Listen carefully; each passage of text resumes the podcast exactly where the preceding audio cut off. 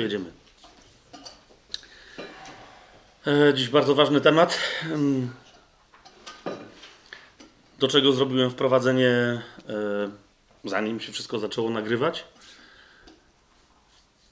I nie będę drugi raz robił tego wprowadzenia, więc tylko powtórzę. Wy tu już wiecie, że to jest bardzo, bardzo istotny temat. E, a dla wszystkich, którzy korzystają tylko z nagrania, to myślę, że, że wyjdzie w trakcie. Pomódlmy się więc na początek. Duchu Święty, ożywicielu, Duchu Święty, pocieszycielu, Duchu Święty, obrońco. Dziękuję Ci, dziękujemy Ci, że jesteś tutaj dzisiaj. Że jesteś wśród nas jako nauczyciel prawdy i że chcesz nas jako nauczyciel prawdy wprowadzić w całą prawdę, przypominając nam wszystko, co Pan Jezus powiedział i objawiając nam, nam całą prawdę, jaka jest w Jego słowach zawarta. Panie Jezu, dzisiaj się gromadzimy w Twoje imię, więc wiemy, że Ty jesteś pośród nich, bo pośród nas, bo obiecałeś, że gdzie się dwie albo trzy osoby zgromadzą, to jesteś pośród nich. Jesteśmy zgromadzeni w Twoje imię, wiemy, że jesteś pośród nas. Wiemy też, że przez Ducha Świętego, przez Jego dar zamieszkujesz w nas, bo przyszedłeś do nas z Ojcem i w nas zamieszkujesz i w nas jesteś. Dobry Ojcze, w imieniu Jezusa Chrystusa i w mocy i w obecności Ducha Świętego tutaj, błogosławię Cię za ten kolejny krok, kolejne spotkanie tajemnego planu, kolejny, kolejny wykład, ale które też wierzę, że nie tylko jest wykładem, ale, ale osobistym rozważaniem i, co ważniejsze, rozważaniem, które się y, zamieni zaraz po tym, jak skończymy rozważać w, praktyce, w praktykę naszego życia. Błogosławię Ciebie, Ojcze, i, i, i, i chcę i, wyrażam, myślę, nie tylko moje serce, ale serce wszystkich tutaj zebranych i, wielu z tych, którzy będą z tego nagrania, z tych materiałów korzystać. Y, tak chcę, Ojcze, dzisiaj tego Twojego słowa uczyć i słuchać, y, żeby było wypełnione. Żeby znalazło wyraz w posłuszeństwie Twojej woli, żebyśmy wszyscy robili tylko to, co, co Ty chcesz żeby było zrobione, a w ten sposób, żebyś Ty został uwielbiony w naszym życiu.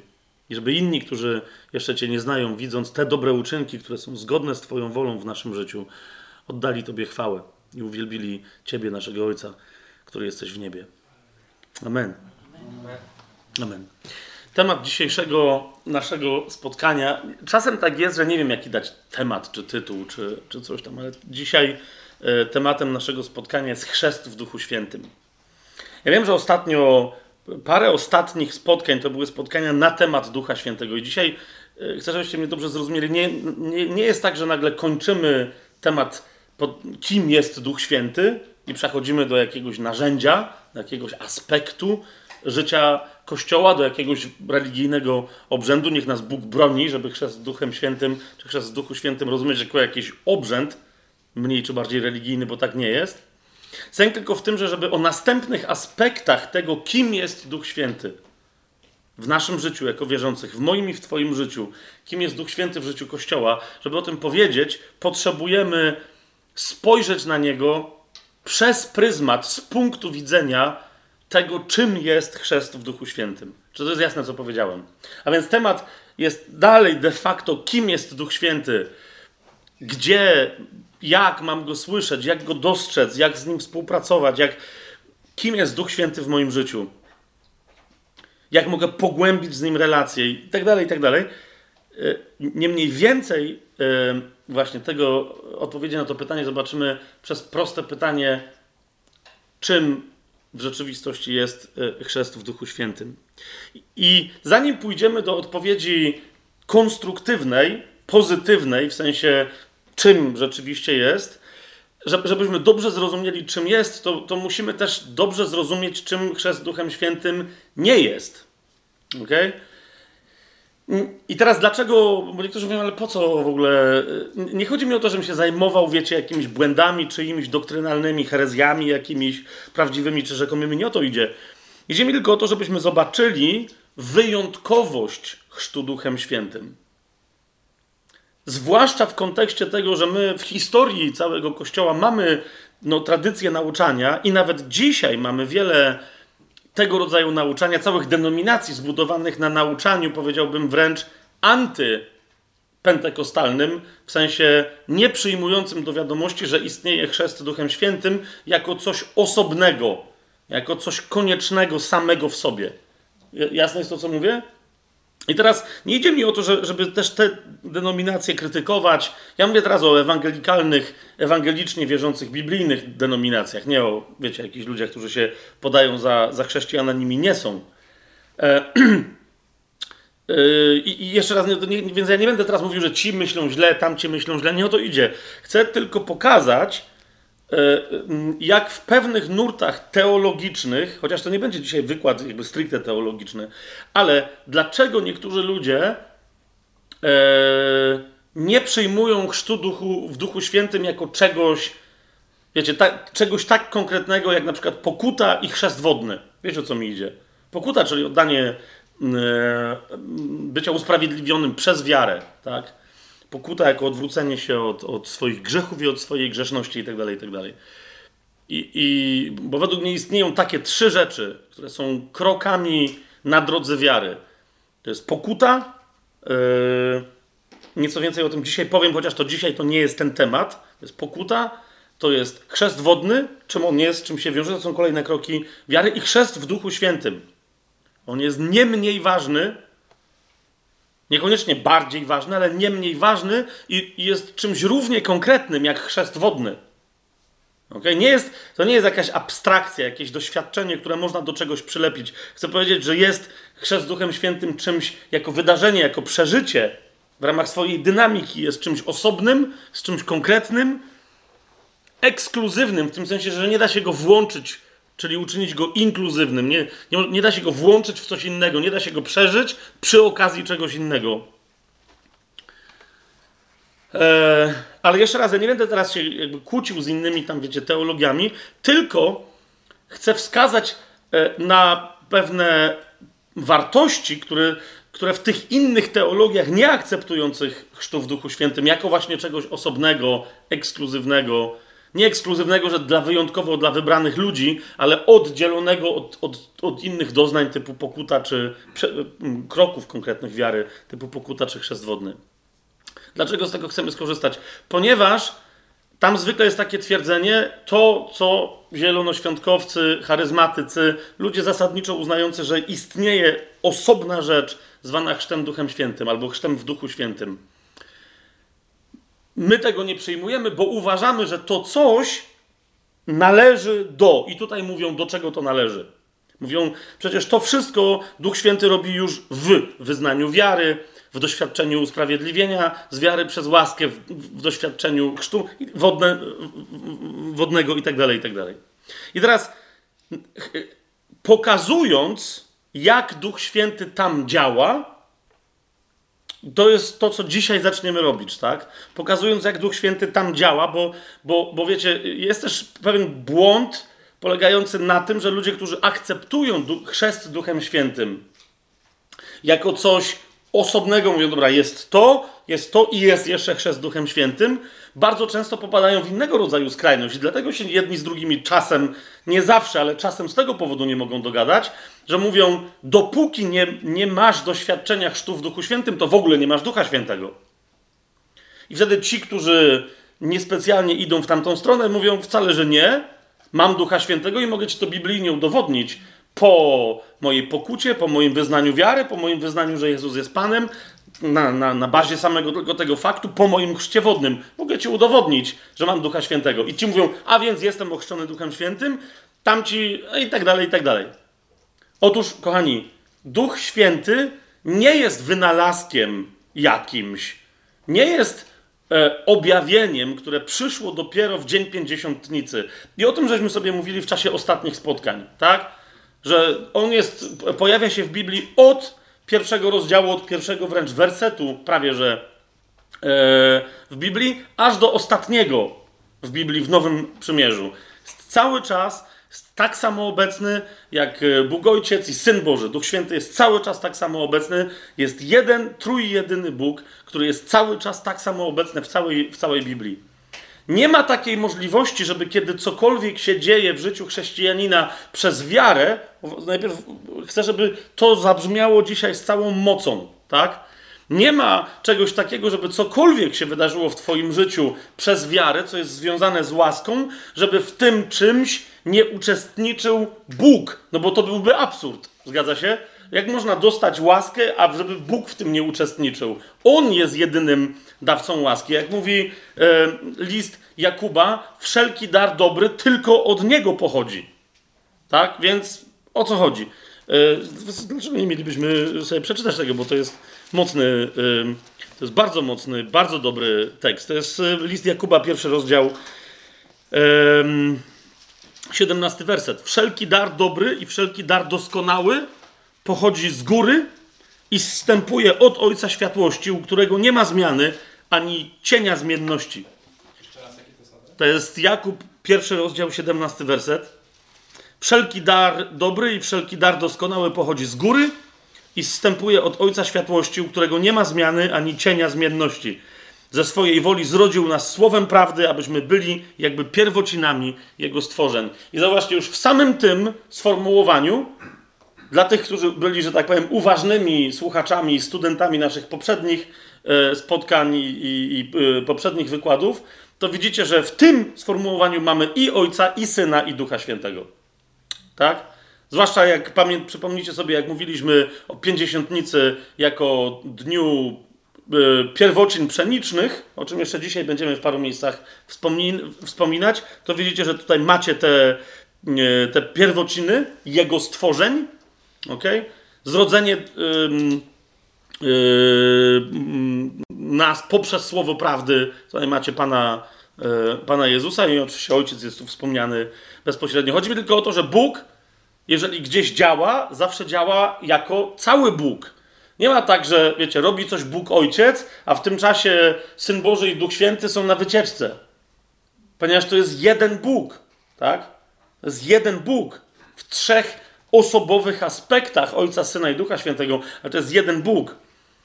Teraz ktoś mówi, że ich niezależność w środku jest potężna. Jest, ale oni są. Bóg jest miłością. Ich łączy miłość. Miłość jest zapatrzona w tego, kogo kocha. Rozumiecie? I, i, I pędzi za nim. Teraz, jak kiedy ojciec chce cię czymś obdarować, to Jezus pędzi, żeby cię też tym samym obdarować. I, I Duch Święty pędzi, żeby się do tego przyłączyć. Jak ostatnio yy, czytałem, już nie, nie, pamiętam, bo ja dużo rzeczy czytam, ale ostatnio czytałem jakiegoś bardzo mądrego, yy, bo oczywiście ja też tylko bardzo mądrych yy, egzegetów biblijnych czytam, Okej, okay, ale ten, ten był akurat bardzo, no nie pamiętam, gdzie tak był mądry, że, a ja nie pamiętam jak się nazywał, może się poprawię, jeśli sobie przypomnę, ale napisał bardzo interesującą rzecz, powiedział, że, że jak się czyta Biblię w pełnym duchowym wglądzie i ze zrozumieniem tego, co się tam dzieje, to nie ma ani jednej akcji Boga wobec człowieka, w której by nie było widać, jak, jak Bóg w Trójcy, Ojciec, Syn i Duch Święty, i on tam pisze, że mówi w pewnym sensie, bo to, co ja chcę powiedzieć, nie da się tego za bardzo wyrazić po ludzku, i to, co powiem teraz, będzie głupie, ale jeszcze raz powtarzam, według mnie jest bardzo mądre. Mówi, widać, jak w każdej akcji Boga wobec człowieka, osoby trójcy, jak gdyby próbują jedna drugą wyprzedzić, żeby pobłogosławić nas jeszcze bardziej. Ale to wynika nie z tego, że konkurują ze sobą, tylko z tego, że kochają akcję tych dwóch pozostałych. Wiecie o co mi chodzi? O osób. I ona im się tak podoba, że z rozpędu przyłączając się do tej akcji, jakby ta osoba robi jeszcze bardziej, ale oczywiście pozostałe dwie, widząc co ta robi z rozpędu, też się jeszcze bardziej rozpędzają. Zobaczcie, jakiego mamy Boga. O to mi chodzi. Który jest dynamiczny, który. Niektórzy mówią, że, że, że wchodzi ze swoim stworzeniem, z ludzkością zwłaszcza, jako jako z, z perłą i szczytem swojego stworzenia wchodzi w taniec. Jeżeli to jest taniec, to to, to jest szalony taniec. Znaczy, to już w tej chwili to, to wiecie, to, to, to, to nie jest chodzony, no nie? To jest. To, to już nawet nie jest walc angielski czy wiedeński, gdzie tam się kręcą, mamy tancerzy, to. Ale, ale wiecie, to jest nie, jaki swing? To jest, w sensie chodzi mi o to, że, że to tam trzeba być, to nie, nie, nie chodzi o potrząsania jakieś, to chodzi o, o harmonię, ale, ale rozumiecie, tam jest wir taki, nie, nie ma takiego tańca, okej. Okay. Chyba, że ktoś pod wpływem Ducha Świętego jeszcze taki wymyśli. Tylko wtedy trzeba, trzeba będzie go tańczyć w trzy osoby. Idziemy dalej. A zatem pytanie, pytanie najpierw musimy postawić, zanim pójdziemy do tego, czym jest chrzest Duchem Świętym. Najpierw myślę, że także z szacunku po prostu do tych, którzy w ramach swoich biblijnych badań mówią, no nie, nie widzimy tego wyraźnie. Naprawdę z szacunku, nie żeby się z nimi kłócić. Pamiętacie, co mówiłem ostatnio o tym, że każde nauczanie ma zmierzać do miłości, więc z szacunku, nie, niekoniecznie nie, nie zgadzając się z tymi teologiami, że, że chrzest Duchem Świętym na przykład zawiera się w chrzcie wodnym, nie zgadzając się z nimi, jednak, jednak szanując, że ktoś może gdzieś się znajdować na tamtym etapie e, odczytywania Biblii, chcemy najpierw odpowiedzieć sobie na pytanie, ja to sobie jasno sformułowałem, odnosząc się do różnych nurtów e, rozumienia Biblii i interpretacji tego, czym jest Duch Święty. Do tych różnych nurtów stawiam ogólne pytanie, nie czym jest chrzest w Duchu Świętym, ale najpierw czy istnieje chrzest w Duchu Świętym jako osobny, autonomiczny, a więc niezależny od, od innych, niemożliwy do włączenia w jakieś inne doświadczenie, sam w sobie, uwaga, konieczny dla drogi wiary i uświęcenia, kolejny po pokucie i po chrzcie wodnym krok, którym jest właśnie chrzest w Duchu Świętym. Czy istnieje taki krok? Jeszcze raz powtórzę: osobny, autonomiczny, nieinkluzywny, sam w sobie jeszcze raz powtórzę, konieczny dla drogi wiary i uświęcenia. Bo myślę, że oczywiście, że mamy też chrześcijan, którzy negują dzisiaj na przykład konieczność, e, bo nie negują, że istnieje taka osobna rzecz, ale na przykład negują konieczność chrztu wodnego i mówią, a chrzest wodny nie jest konieczny. Tak? Eee, więc pytamy się, czy w tym sensie, jeżeli już uważamy, że chrzest wodny jest konieczny, czy chrzest duchu, w Duchu Świętym jest konieczny. Tak? Teraz, czy on jest niezależny od, czy da się go przyłączyć, czy on może być z czymś zmieszany i tak dalej, i tak dalej. Moja odpowiedź oczywiście brzmi, że tak, istnieje chrzest w Duchu Świętym jako osobny, autonomiczny, nieinkluzywny, sam w sobie konieczny na drodze wiary i uświęcenia krok kolejny.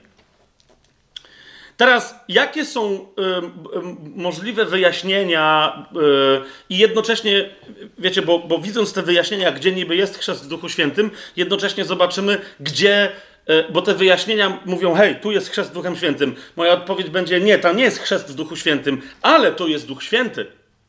Bardzo istotne rzeczy, których potrzebujemy także bardzo często do służby, do, w momencie, kiedy głosimy innym ludziom, żeby widzieć Ducha Świętego w jego pracy i nie oddzielać go i nie przeszkadzać mu w tym, co on ma zrobić.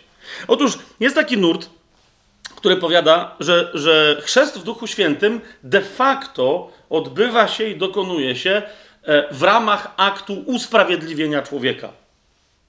Moja odpowiedź brzmi: tak, Duch Święty jest konieczny dla tego aktu usprawiedliwienia człowieka z łaski przez wiarę. Tak? Niemniej e, chrzest w Duchu Świętym, bo teraz wiecie, jeszcze kolejna rzecz, żebyśmy zobaczyli wyjątkowość i jednocześnie, żebyśmy sobie zdefiniowali chrzest w Duchu Świętym, będziemy mówić, gdzie jest Duch Święty. I jednocześnie, kiedy powiemy nie, to nie jest chrzest w Duchu Świętym, będziemy wiedzieli, że kiedy dojdziemy do chrztu w Duchu Świętym, będziemy wiedzieli, czym on się różni od innych aspektów działania Ducha Świętego. Jest to jasne? Jeszcze raz, co, co, co gadam? Ok, więc tak, Duch Święty absolutnie przychodzi do człowieka, jest konieczny w akcie, de facto akcie zbawczym Boga, który w Biblii jest nazywany usprawiedliwieniem. Bardzo wiele osób w chrześcijaństwie zadaje sobie pytanie, zadaje innym pytanie, czy jesteś zbawiony, czy jesteście zbawieni, czy wiesz, jesteś i tak dalej. To jest dobre pytanie. Ale yy, później o to są, wiecie, całe kłótnie, tak, o, o to czym, nie, właśnie bez zrozumienia, czym jest zbawienie, kto jest pewny tego zbawienia, czy ktoś może być pewny, czy nie, może być pewny, kiedy jest zbawiony, ale czy to pewne zbawienie nie jest czasem utracalne, czy jednak jest nieutracalne, wiecie o co chodzi, tak? Ja myślę, że powinniśmy wrócić do precyzji języka biblijnej i zacząć mówić językiem biblijnym, wtedy się wiele kwestii nam wyjaśni. Więc e, uważam, że pierwsza rzecz, która się dzieje z człowiekiem, której on doświadcza, która należy do zbioru pod tytułem zbawienie, pierwsza rzecz, która się dzieje z człowiekiem, to jest coś, co Biblia nazywa usprawiedliwieniem. W sensie, przed Bogiem stoi grzesznik, który jest winien, a więc ktoś, kogo, nie, kogo winy nie da się usprawiedliwić. Na czym polega usprawiedliwienie? Na tym, że no właśnie przez akt pewien, sprytny akt, potężny akt zapłacenia za tego, kto był winien, jeżeli winny, bo winny nie może sam się wykupić w tej sytuacji. Jego wina jest tak duża, że nie jest w stanie sam z siebie wyprodukować wartości, która by to spłaciła. Tak? Więc wobec prawa jest niesprawiedliwy. Ale jeżeli przyjmie okup, który zapłacił za niego Jezus na krzyżu, przez moc tej krwi, która została tam przelana, przez moc tej ofiary, ten człowiek zostaje usprawiedliwiony. Jest jasne, co teraz mówię? To jest pierwsza rzecz, która się dokonuje. To jest de facto rzecz, która dokonuje się przez wiarę. Jak, Okej, okay, bądźmy precyzyjni. Jak powiedziałem, że, że język biblijny, to, to mówmy językiem biblijnym. Stwórzmy sobie list do Efezjan. Bo ktoś powie, że no tak, ale przecież no jest zawsze. Oczywiście, że tych, y, wiecie, cytatów, fragmentów może być mnóstwo, mnóstwo, mnóstwo. My nie mamy czasu, żeby się mnóstwem zajmować. Zresztą, że potrzebujemy tylko wyeliminować pewne aspekty nienależące do chrztu w Duchu Świętym, jednak będące aspektami działania Ducha Świętego. Że nie potrzebujemy ich wyeliminować, tylko porozdzielać, tak? Jak się nie da wyeliminować. Więc list do Efezjan w drugim rozdziale, ósmy i dziewiąty werset, yy, informuje nas, Łaską bowiem jesteście zbawieni przez wiarę, i to nie jest z was, jest to dar Boga. I w dziewiątym wersecie Paweł doprecyzowuje, o co to chodzi, że to nie jest z was i że jest to dar Boga. Co to znaczy, że to jest dar? Jeżeli to jest dar, to znaczy, że to nie jest zapłata. Dar jest prezentem, który od kogoś dostajesz z jakiegoś tam powodu, który ta osoba, która ci prezent daje, widzi, że jest. Więc ma powód, daje ci prezent, ale ty na niego nie zasługujesz nie zapracowałaś sobie, to nie jest coś, ci się należy. Rozumiesz? To nie jest coś, co wynika po prostu. Ktoś daje ci dar. I dlatego w dziewiątym wersecie Paweł doprecyzowuje, że to jest nie z uczynków, jakichkolwiek twoich uczynków, aby nikt się nie chlubił. Że, że sam siebie zbawił. Mówi, to, to jest niemożliwe. A więc otrzymujesz dar zbawienia, który przychodzi y, z łaski, jest łaską. Jeszcze raz zauważcie, łaską jesteście zbawieni i, I, jak się przyjmuje łaskę? Przez wiarę. Ok? Przez wiarę. Później wszystko inne w naszym życiu też się będzie działo przez wiarę, ale teraz chcę Wam zwrócić uwagę na jedną rzecz. Łaska przychodzi wyłącznie przez wiarę. Wiara jest aktem serca, a nie wiąże się z żadnym zewnętrznym uczynkiem. Ok? Nawet takim uczynkiem, jak, uwaga, wyznanie wiary. Ok? Wyznanie wiary. Teraz niektórzy to mieszają. Ja to no, Paweł tu sam, nie chcąc, wiedząc, że pisze do Efezjan, którzy rozumieją, co on do nich pisze, nie rozbijał tego na części pierwsze, ale już na przykład w liście do Rzymian dokonuje tego rozbicia i wyjaśnia. Tak? Czyli on mówi, bo on wie o tym, że, że ktoś, kto uwierzył, bardzo szybko zaczyna wyznawać tę swoją wiarę, bo okej, okay, okej. Okay. Ale, ale mówi, wiara najpierw, do, pierwsze słowa, które wypowiadasz w wyniku tego, co, co, co się stało w Twoim sercu, co się stało w Tobie, to już są akty nowego stworzenia. Tak? Mówi, wiara to jest akt, to jest coś, to jest decyzja, to jest wydarzenie, które się dokonuje w Twoim sercu. I nie ma żadnego wymiaru zewnętrznego uczynku. Zobaczcie, to jest list do e, Rzymian, 10 rozdział. Nie, nie, będziemy całości tego rozważać, bo to dzisiaj w ogóle nie jest nasz temat, tylko chcę Wam pokazać, jak Duch Święty w tym wszystkim jest obecny. Aczkolwiek e, dla tych, którzy sobie myślą, hej, ale w ogóle warto byłoby to uporządkować, tak? Co się kiedy dzieje, jakie są kolejne kroki, co robi wiara, czym jest wyznanie Jezusa jako Pana, czy, co, co to jest chrzest, czy jedno z drugim, czy tu ma być jakaś formuła, czy nie, czy coś. Więc te, my to wszystko, takie uporządkowanie zostawiamy sobie, od razu wam teraz mówię, na komentarz do listu do Rzymian, ponieważ tym się zajmuje list do Rzymian, porządkowaniem całej tej rzeczywistości, tak? E, my ze względu na dzieje apostolskie potrzebujemy, tak jak przy Ewangeliach potrzebowaliśmy całego sezonu, żeby się dobrze przyjrzeć, kim jest nasz ukochany Pan Jezus, tak teraz potrzebujemy się bardzo dobrze przyjrzeć, kim jest nasz ukochany Duch Święty bo jest traktowany jako coś, a nie jako ktoś, nawet przez ludzi, którzy go wyznają jako osobę. Przez mnóstwo ludzi, którzy go wyznają jako osobę w chrześcijaństwie, de facto jak się temu przyglądają, jak traktują Ducha Świętego, to nie traktują go tak samo osobowo jak, jak Ojca czy Syna. I dlatego Rozumiecie, z relacji z Duchem Świętym wynikają wszystkie rzeczy jako z osobą, a nie z relacji naszej z mocą Ducha Świętego, bo to byłby absurd. Masa ludzi mówi Duch Święty, a ma na myśli moc Ducha Świętego. A Pan Jezus powiedział, że moc otrzymacie od tego, który do Was przyjdzie, a którym jest Duch Święty. Dzieje apostolskie 1.8, ale dzisiaj może nam się uda dotrzeć do rozbioru gramatycznego tamtego zdania i, i to wyraźnie zobaczymy. A więc list do Rzymian Pamiętacie, Efezjan mówi ogólnie, łaską jesteście zbawieni przez wiarę i to nie jest z uczynków. Okay? A list do Rzymian e, wprowadza rozróżnienie, gdzie jest wiara, a gdzie jednak e, jest uczynek jako wynik wiary. To, więc mówi tak, list do Rzymian, 10 rozdział, 4 werset. Paweł mówi, końcem prawa, prawo się opierało na uczynkach całe, tak? Pa Paweł mówi, że nieważne, czy ty sobie wymyślisz swoje dobre uczynki, którymi chcesz Bogu zapłacić za swój grzech, czy wejdziesz w jakąś religię i, i będziesz wykonywać uczynki, która ta religia ci mówi, że jak wykonasz, to się staniesz w oczach Bożych dobry, czy nawet jeżeli wejdziesz w najlepszą możliwą religię na świecie, którą jest judaizm, tak mówi Paweł, i będziesz, i powiesz sobie, dobra, to już lepszej nie ma, to jest objawiona religia. Jeżeli będę wykonywać uczynki prawa tej religii, to będę zbawiony. Paweł mówi, to pamiętaj, że żeby być zbawionym w tym, w tym koncepcie, musisz wykonać prawo. Zauważcie, piąty werset jest komentarzem. Mojżesz pisze o sprawiedliwości, która jest sprawa, dwukropek, kto te rzeczy wypełnia, przez nie będzie żył. I on mówi, jeżeli więc opierasz się na religii jakiejkolwiek, nawet tak doskonałej jak judaizm, objawiony e, na górze Synaj, to, to mówi, musisz wypełnić całe prawo. Chrześcijaństwo dlatego właśnie nie jest religią. I jeżeli gdzieś macie jakieś chrześcijaństwo, tak nawiasem mówiąc, mówię, które przypomina religię, im bardziej przypomina religii, tym mniej jest religię, tym mniej jest chrześcijaństwem. Tak? Dlaczego? Bo Paweł mówi, chrześcijaństwo jest czymś przeciwnym do religii. Mianowicie, i to jest właśnie 10 rozdział 4 werset mówi, końcem bowiem prawa jest Chrystus ku sprawiedliwości każdego, kto co? Kto wierzy. Nie kto wypełnia uczynki prawa, ale kto wierzy w tego Chrystusa. Potem są warunki, w co musi uwierzyć, ale najpierw mówi, tutaj wiara jest podstawą. Wiara sprowadza na ciebie sprawiedliwość, a nie uczynki. Sprawiedliwy z wiary żyć będzie, tak?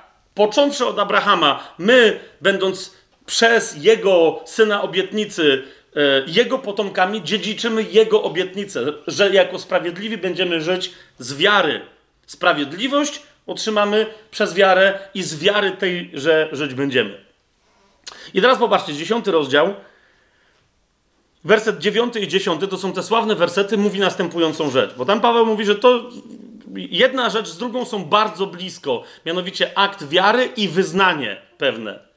Mówi tak, jeżeli ustami wyznasz Pana Jezusa, lub w innych tłumaczeniach, jeżeli ustami wyznasz, że Jezus jest Panem, to na to samo wychodzi. Jeżeli ustami wyznasz Pana Jezusa, i uwierzysz w swoim sercu, że Bóg wskrzesił go z martwych, będziesz zbawiony. Ale teraz zobaczcie, dziesiąty werset. Paweł mówi, że no dobra, ale teraz ustalmy kolejność właściwą i, i mówi, sercem bowiem, czyli dlaczego tak jest? Dlaczego ten cały konglomerat wiary i wyznania przynosi zbawienie? On mówi, ponieważ sercem wierzy się ku sprawiedliwości, a ustami wyznaje się ku zbawieniu. Widzicie to?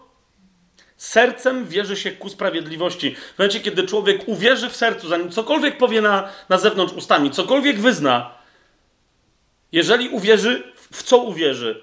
Jeszcze raz, dziewiąty werset, że Bóg wskrzesił Jezusa z martwych. Kto w to uwierzy, będzie zbawiony.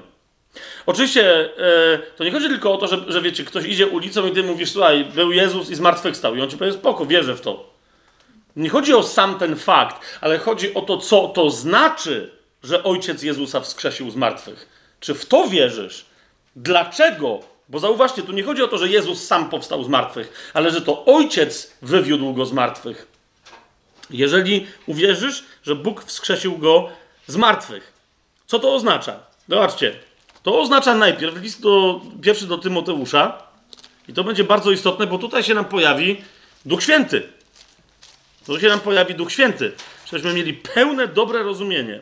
To jest trzeci rozdział, szesnasty werset. Jeżeli ktoś z Was nie ma tłumaczenia opartego na y, tekstu z receptus, to będzie mieć problem w tym wersecie, który teraz zacytuję. Czyli jeżeli nie macie y, UBG, y, czyli uwspółcześnionej Biblii Gdańskiej lub Biblii Gdańskiej, starej, lub tłumaczenia tak zwanego toruńskiego, jeżeli nie macie, no tego nie, to są nie jedyne, które są oparte na tekstu, ale jeżeli nie macie tego, to będziecie to mieli trochę dziwny tekst. Yy, ale jeszcze raz, nie chcę teraz to wnikać, dlaczego on jest tam przeinaczony. Yy, pierwszy list do Tymoteusza, trzeci rozdział, 16 werset. Zobaczcie, co jest powiedziane o Jezusie. Bez wątpienia wielka jest tajemnica pobożności. To jest fragment, który mówi o Jezusie, o Jego dziele zbawczym. To jest wielka tajemnica pobożności lub też wielka tajemnica wiary. Bez, bez wątpienia wielka jest tajemnica pobożności, mówi Tymoteusz. Jaka ona jest? Bóg objawiony został w ciele. Bóg objawiony został w ciele. Ale to, to nas nie interesuje. Tylko dwa. Usprawiedliwiony został w duchu. Widziany był przez anioły, głoszony był poganom, uwierzono mu na świecie, wzięty został w górę do chwały. Otóż widzicie, e, o, niektórzy mówią, ale jak Jezus miał być usprawiedliwiony? To jest inny rodzaj usprawiedliwienia niż ten, który przychodzi do nas. Otóż Jezus został zabity na krzyżu jako kto? Jako grzesznik. Przez ludzi, którzy go osądzili według prawa religijnego, że jest grzesznikiem, że kłamie, że bluźni przeciwko Bogu, podając się za Boga i tak dalej, i tak dalej. A Paweł mówi, a tymczasem tak naprawdę było, że Bóg objawił się w ciele, w Chrystusie. Ale teraz on wziął na siebie Twój i mój grzech, wziął grzech całego świata. Zgodnie z tym, co mówi Jan w, swojej Ewangelii w trzecim rozdziale, w szesnastym wersecie, że co Pan Jezus mówi o sobie w tej Ewangelii, że Bóg tak umiłował świat, że Syna swojego jednorodzonego dał, aby każdy, kto w Niego wierzy, był zbawiony. W jaki sposób? Właśnie w taki, że wszyscy na świecie są grzesznikami. Zaraz pokażemy sobie to dalej. Wziął ten grzech wszystkich ludzi, którzy żyli przed nim, którzy żyli w jego czasie i wszystkich, którzy żyli po nim, wziął go na siebie, żeby za niego zapłacić, za cały ten grzech, za grzech całego świata, ale sam nie był winien ani jednego, najmniejszego nawet grzechu. Czy to jest jasne? Co się w takim razie stało? W takim razie został zabity na krzyżu i jego w ciele, całe jego ciało, Słowo Boże mówi w innym miejscu, że on na krzyżu stał się grzechem. Dlaczego? Dla naszego usprawiedliwienia. Pamiętacie ten fragment, gdzie to się znajduje? To jest drugi do Koryntian. Jak sobie otworzycie, nie mieliśmy tam, ale, ale to może dobrze jest zobaczyć. Jest drugi do Koryntian, piąty rozdział. Ehm, 21 werset. Tam jest powiedziane, drugi do Koryntian 5:21. On bowiem tego, który nie znał grzechu, czyli ojciec tego, który nie znał grzechu, a więc wiecie, który nie był winien najmniejszego nawet grzechu, czyli Jezusa. On bowiem tego, który nie znał grzechu, za nas uczynił grzechem, abyśmy w nim stali się sprawiedliwością Bożą. Widzicie to? Teraz jak go uczynił? Nie całego, ale cieleśnie, ponieważ grzech może tylko i wyłącznie funkcjonować w ciele. O tym jeszcze kiedy indziej będziemy mówić. Dzisiaj może trochę tego tematu dotkniemy. A więc cieleśnie stał się Chrystus grzechem i, ten, i to ciało zostało zabite Jezusowe, tak? Na krzyżu. Został pochowany i musiał się odbyć sąd sprawiedliwy, w ramach którego ojciec powiedział: Ta krew, która została przelana za grzech, była niewinna. I dlatego, dlatego mówi, ale rozumiem, że ta krew została przelana nie za tego, który ją przelał, ale że on ją przelał za wszystkich innych, którzy byli zobowiązani, żeby ją przelać. Pamiętacie, co mówili z do Rzymian, szósty rozdział, cytując oczywiście zasady prawa yy, yy, judaistycznego, mówi, zapłatą za grzech jest śmierć. A więc jeżeli ktoś złapie winnego i go zabije, zgodnie z prawem, to, to jakby dlaczego Bóg go ma wskrzeszać? Czy stało się wszystko zgodnie z prawem? Zgrzeszył, na końcu umarł. Tyle, po robocie. Ale tutaj Bóg miał kogoś, kto przelał krew, ale nie był winien grzechu, a został zabity. Dlatego jego ofiarę Bóg przyjął. Cały list do Hebrajczyków o tym mówi. Nie będziemy teraz tego rozwijać. Bóg przyjął jego ofiarę, a na dowód tego, że przyjął jego ofiarę, na dowód dla ciebie i dla mnie, że ta ofiara jest ważna i że możesz się nią posłużyć i że ja się mogę nią posłużyć, wskrzesił go z martwych. Jasne jest to, co mówimy? To jest to. Dlatego go wskrzesił. I dlatego, kto uwierzy w to, że kto uwierzy, że z moim grzechem Chrystus całym, całą moją grzesznością Chrystus sobie poradził na krzyżu, ten, kto w to uwierzy, że dowodem na to jest zmartwychwstanie Jezusa, mówię, ja teraz bardzo upraszczam, ale to jednak, ten będzie usprawiedliwiony przez samą tą wiarę. Okej. Okay. I dlatego jest powiedziane w, w tej tajemnicy pobożności, Bóg objawiony został w ciele, usprawiedliwiony został w duchu. Niemniej zauważcie, nawet UBG to świetnie robi, że tego ducha daje z dużej litery, ponieważ to jest dzieło, którego dokonał Duch Święty, który jest adwokatem, który jest pocieszycielem, i on w tym momencie stanął obok syna przed ojcem, żeby uczestniczyć w tym procesie. I został usprawiedliwiony w tym duchu, ponieważ to duch przyszedł ze świadectwem. Czy rozumiecie, co ja mówię? To duch przyszedł ze świadectwem jako świadek pierwszy, rozumiecie, żeby rozsądzić między diabłem a światem. Dlatego Pan Jezus powiedział, że, że, że, że, że dokonuje się sąd nad tym, nad tym światem i, nad, i władca tego świata został właśnie osądzony. Pamiętacie to? Taki jest między innymi, nie, nie, nie jedyny, ale sens, też miałem na to, ale niech nie, no wejdźmy tam. Taki jest między innymi sens tego, o czym mówi Jan w pierwszym liście, w piątym rozdziale, kiedy yy, mówi coś takiego. To jest ten, który przyszedł przez wodę i krew. To jest Jezus Chrystus nie tylko w wodzie, ale w wodzie i we krwi. A duch jest tym, który świadczy, bo duch jest prawdą. Pamiętacie, jak, jak zostało przebite, przebity bok Jezusa i popłynęły krew i woda? To było zaraz po tym, jak Jezus krzyknął: Wykonało się.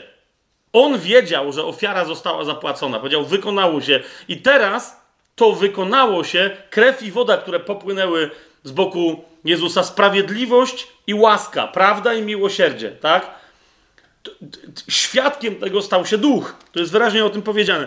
I, I, stąd mamy potem y, w, piątym, tym, w pierwszym liście Jana, w piątym rozdziale, w siódmym i w ósmym wersecie, trzej bowiem świadczą w niebie, Ojciec, Słowo i Duch Święty, a ci trzej są jedno i trzej świadczą na ziemi, duch, woda i krew, a ci trzej są zgodni.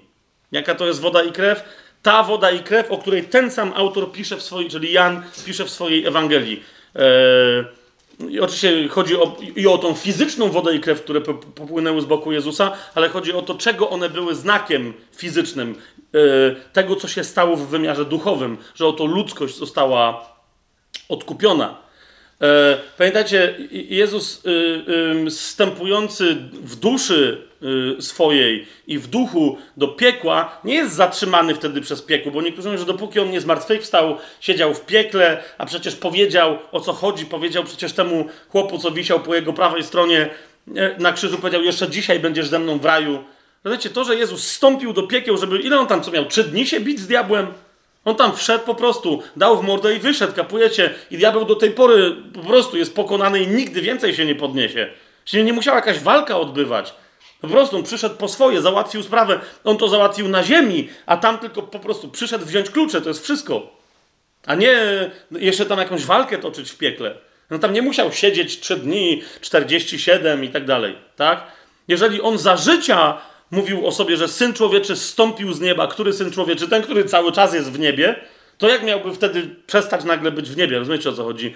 Ten syn, który w bóstwie swoim zamieszkiwał w ciele i, i, przebywał jako Jezus Chrystus i był Jezusem Chrystusem, nie przestał być Bogiem w niebie. Ale o tym mówiliśmy na początku tego sezonu przy okazji Trójcy Świętej i tak dalej. A więc usprawiedliwienie dokonuje się w duchu i dokonuje się w duchu świętym. Ok?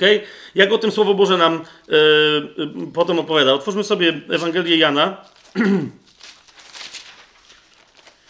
16 yy, rozdział.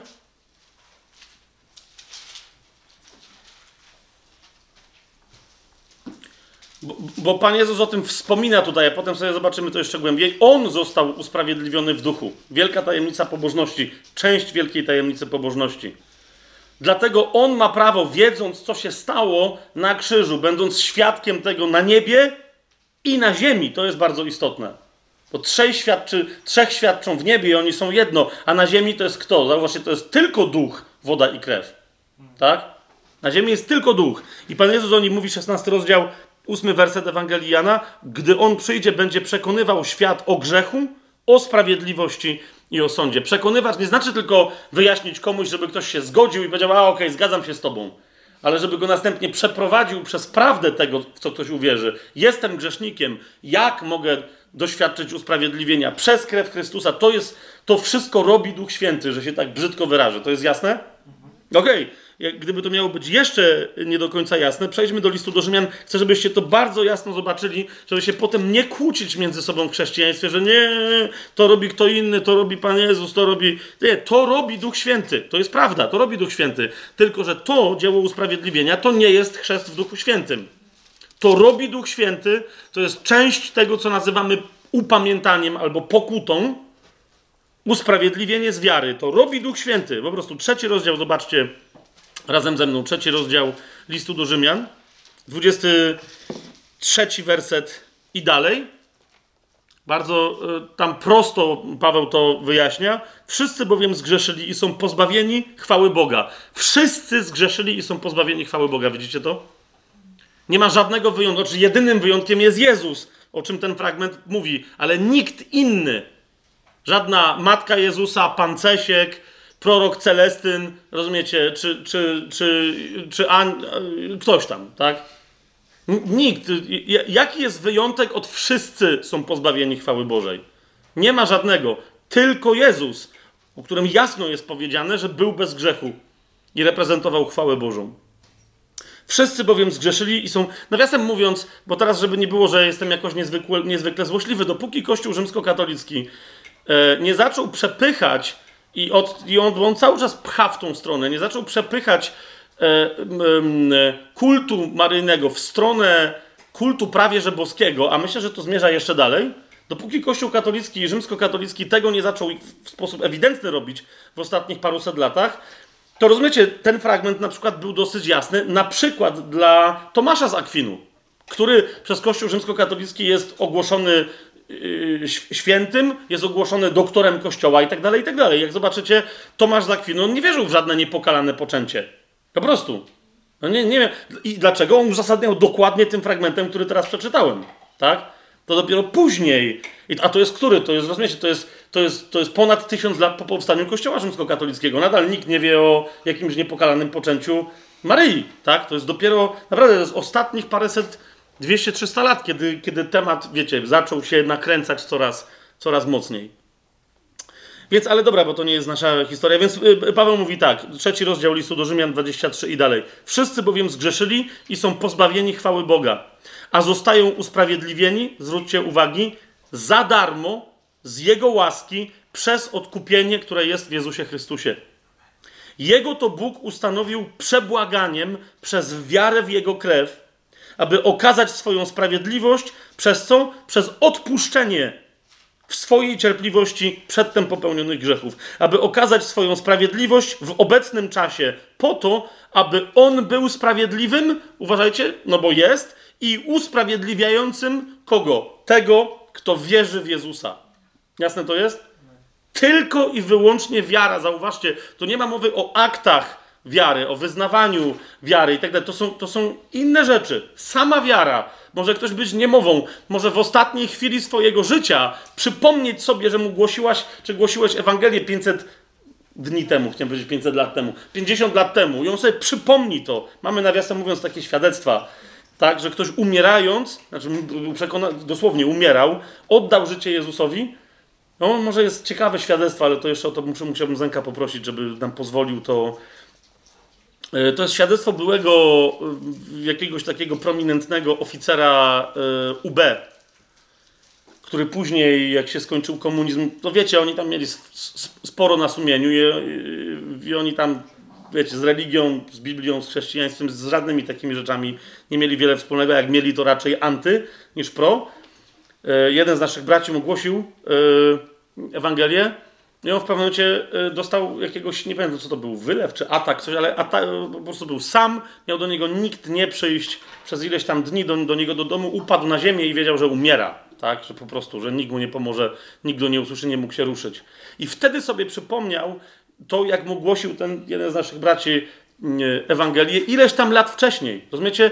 zaczęły mu się po prostu odtwarzać konkretne fragmenty, to o czym teraz mówimy. On nie był w stanie nic powiedzieć, nie był w stanie, ale w sercu uwierzył, że Jezus jest dla niego ratunkiem i nie tylko, że, że został zbawiony, ale został fizycznie wyratowany. Tam jest potem bardzo, nie będę więcej szczegółów podawał, bo to, e, mówię, jak będziemy mieli pozwolenie, to, e, to, to warto byłoby się tym świadectwem, bo to jest mocne świadectwo, podzielić. Ale to było dokładnie to. On nie był w stanie nic powiedzieć, nic zrobić. Leżał sparaliżowany na, na, na ziemi. Wszystko się wykonało w jego sercu i został usprawiedliwiony. A kolejne kroki przyszły, jak go, jak go Pan fizycznie potem postawił na nogi. Pan jest usprawiedliwiającym tego, kto wierzy, um, kto wierzy w Jezusa. Otwórzmy sobie list do Rzymian, piąty rozdział.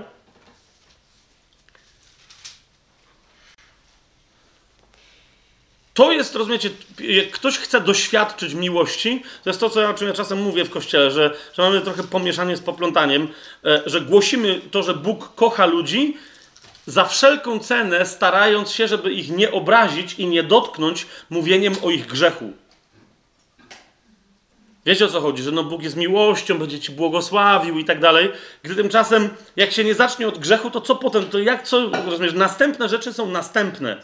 List do Rzymian, 5 rozdział, 8 i 9 werset mówią wyraźnie, że najpierw Bóg okazuje swoją miłość w jeden określony sposób. Bóg okazuje nam swoją miłość przez to, że gdy jeszcze byliśmy grzesznikami, Chrystus za nas umarł. Widzicie to? To jest to. Z pierwsze co? Gdy jeszcze byliśmy grzesznikami. Ja byłem grzesznikiem ileś tam lat temu, zanim przyszedłem do Pana Jezusa. I to jest to. Pan Jezus umarł 2000 lat wcześniej. Ale okazanie mi miłości przez Boga było objawieniem tej prawdy. Że dla mnie, jako jeszcze grzesznika, Bóg najpierw ma co? Swojego syna, który za mnie zapłacił. Chrystus za nas umarł. Tym bardziej więc teraz, będąc usprawiedliwieni Jego krwią, widzicie? Jego krew nas usprawiedliwia. Czym żyjemy? Nadzieją na pełne odkupienie, pełne doświadczenie zbawienia w zmartwychwstaniu umarłych i we współkrólowaniu z, z Chrystusem, co, co Paweł tu wyraża sformułowaniem, tym bardziej więc teraz, będąc usprawiedliwieni Jego krwią, będziemy przez Niego ocaleni od gniewu, wtedy kiedy przyjdzie wreszcie coś, co Biblia nazywa dniem gniewu. I teraz, co jest istotne? Zauważcie, ten akt, czyli Bóg okazuje nam swoją miłość, przez co? Przez usprawiedliwienie nas jako grzeszników. Widzicie, to jasno wynika z tych dwóch wersetów. ok? Kto dokonuje tego aktu w sercu człowieka?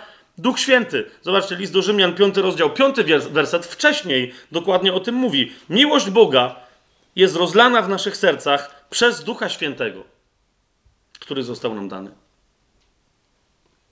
Jeszcze raz, czy Duch Święty bierze udział w dziele usprawiedliwienia człowieka, w dziele sprowadzenia na jego stare, kamienne serce krwi Chrystusa, tak że to kamienne serce pęka, zostaje wzięte, a Bóg może włożyć w człowieka nowe, mięsiste serce i może mu dać nowego ducha? Tak, to robi Duch Święty. Oczywiście, że tak.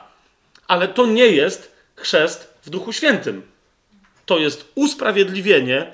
Widzicie, tu cała trójca działa. Ojciec, który posyła tego ducha przez syna, jak najbardziej, który to duch przynosi krew i tak dalej, i tak dalej, z całym werdyktem Bożym na temat grzesznika, że on, jeżeli przyjmuje tę krew, to jest usprawiedliwiony. Zobaczcie drugi do Koryntian, zobaczmy sobie razem. Tutaj wchodzimy w nieco kontrowersyjny temat, właśnie o, o który się często e, kłócą, e, niektórzy, niektóre nurty całe teologiczne się bardzo kłócą. Ale że myślę, że właśnie w tym kontekście, w kontekście wiary i bycia usprawiedliwionymi, Paweł powiedział, to jest drugi do Koryntian, pierwszy rozdział, e, 20, pierwszy i 22 werset. To jest mowa o Bogu, o Ojcu, że ile w nich jest y, obietnic, to wszystkie są amen. E, I potem mamy 21, 22 werset, które mówią, tym zaś który utwierdza nas razem z wami w Chrystusie i który nas namaścił, bardzo istotne słowo, tym, który nas namaścił, jest Bóg, który też zapieczętował nas i dał do naszych serc ducha jako zadatek.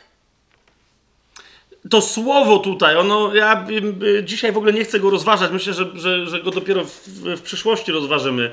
Jest bardzo interesujące, ponieważ wyobraźcie sobie, jest jednym z niewielu słów, które występują w tej samej formie, dosłownie brzmią tak samo w języku greckim, nowotestamentowym, jak w języku hebrajskim starotestamentowym. Wyobraźcie sobie zupełnie inne alfabety, inne historie.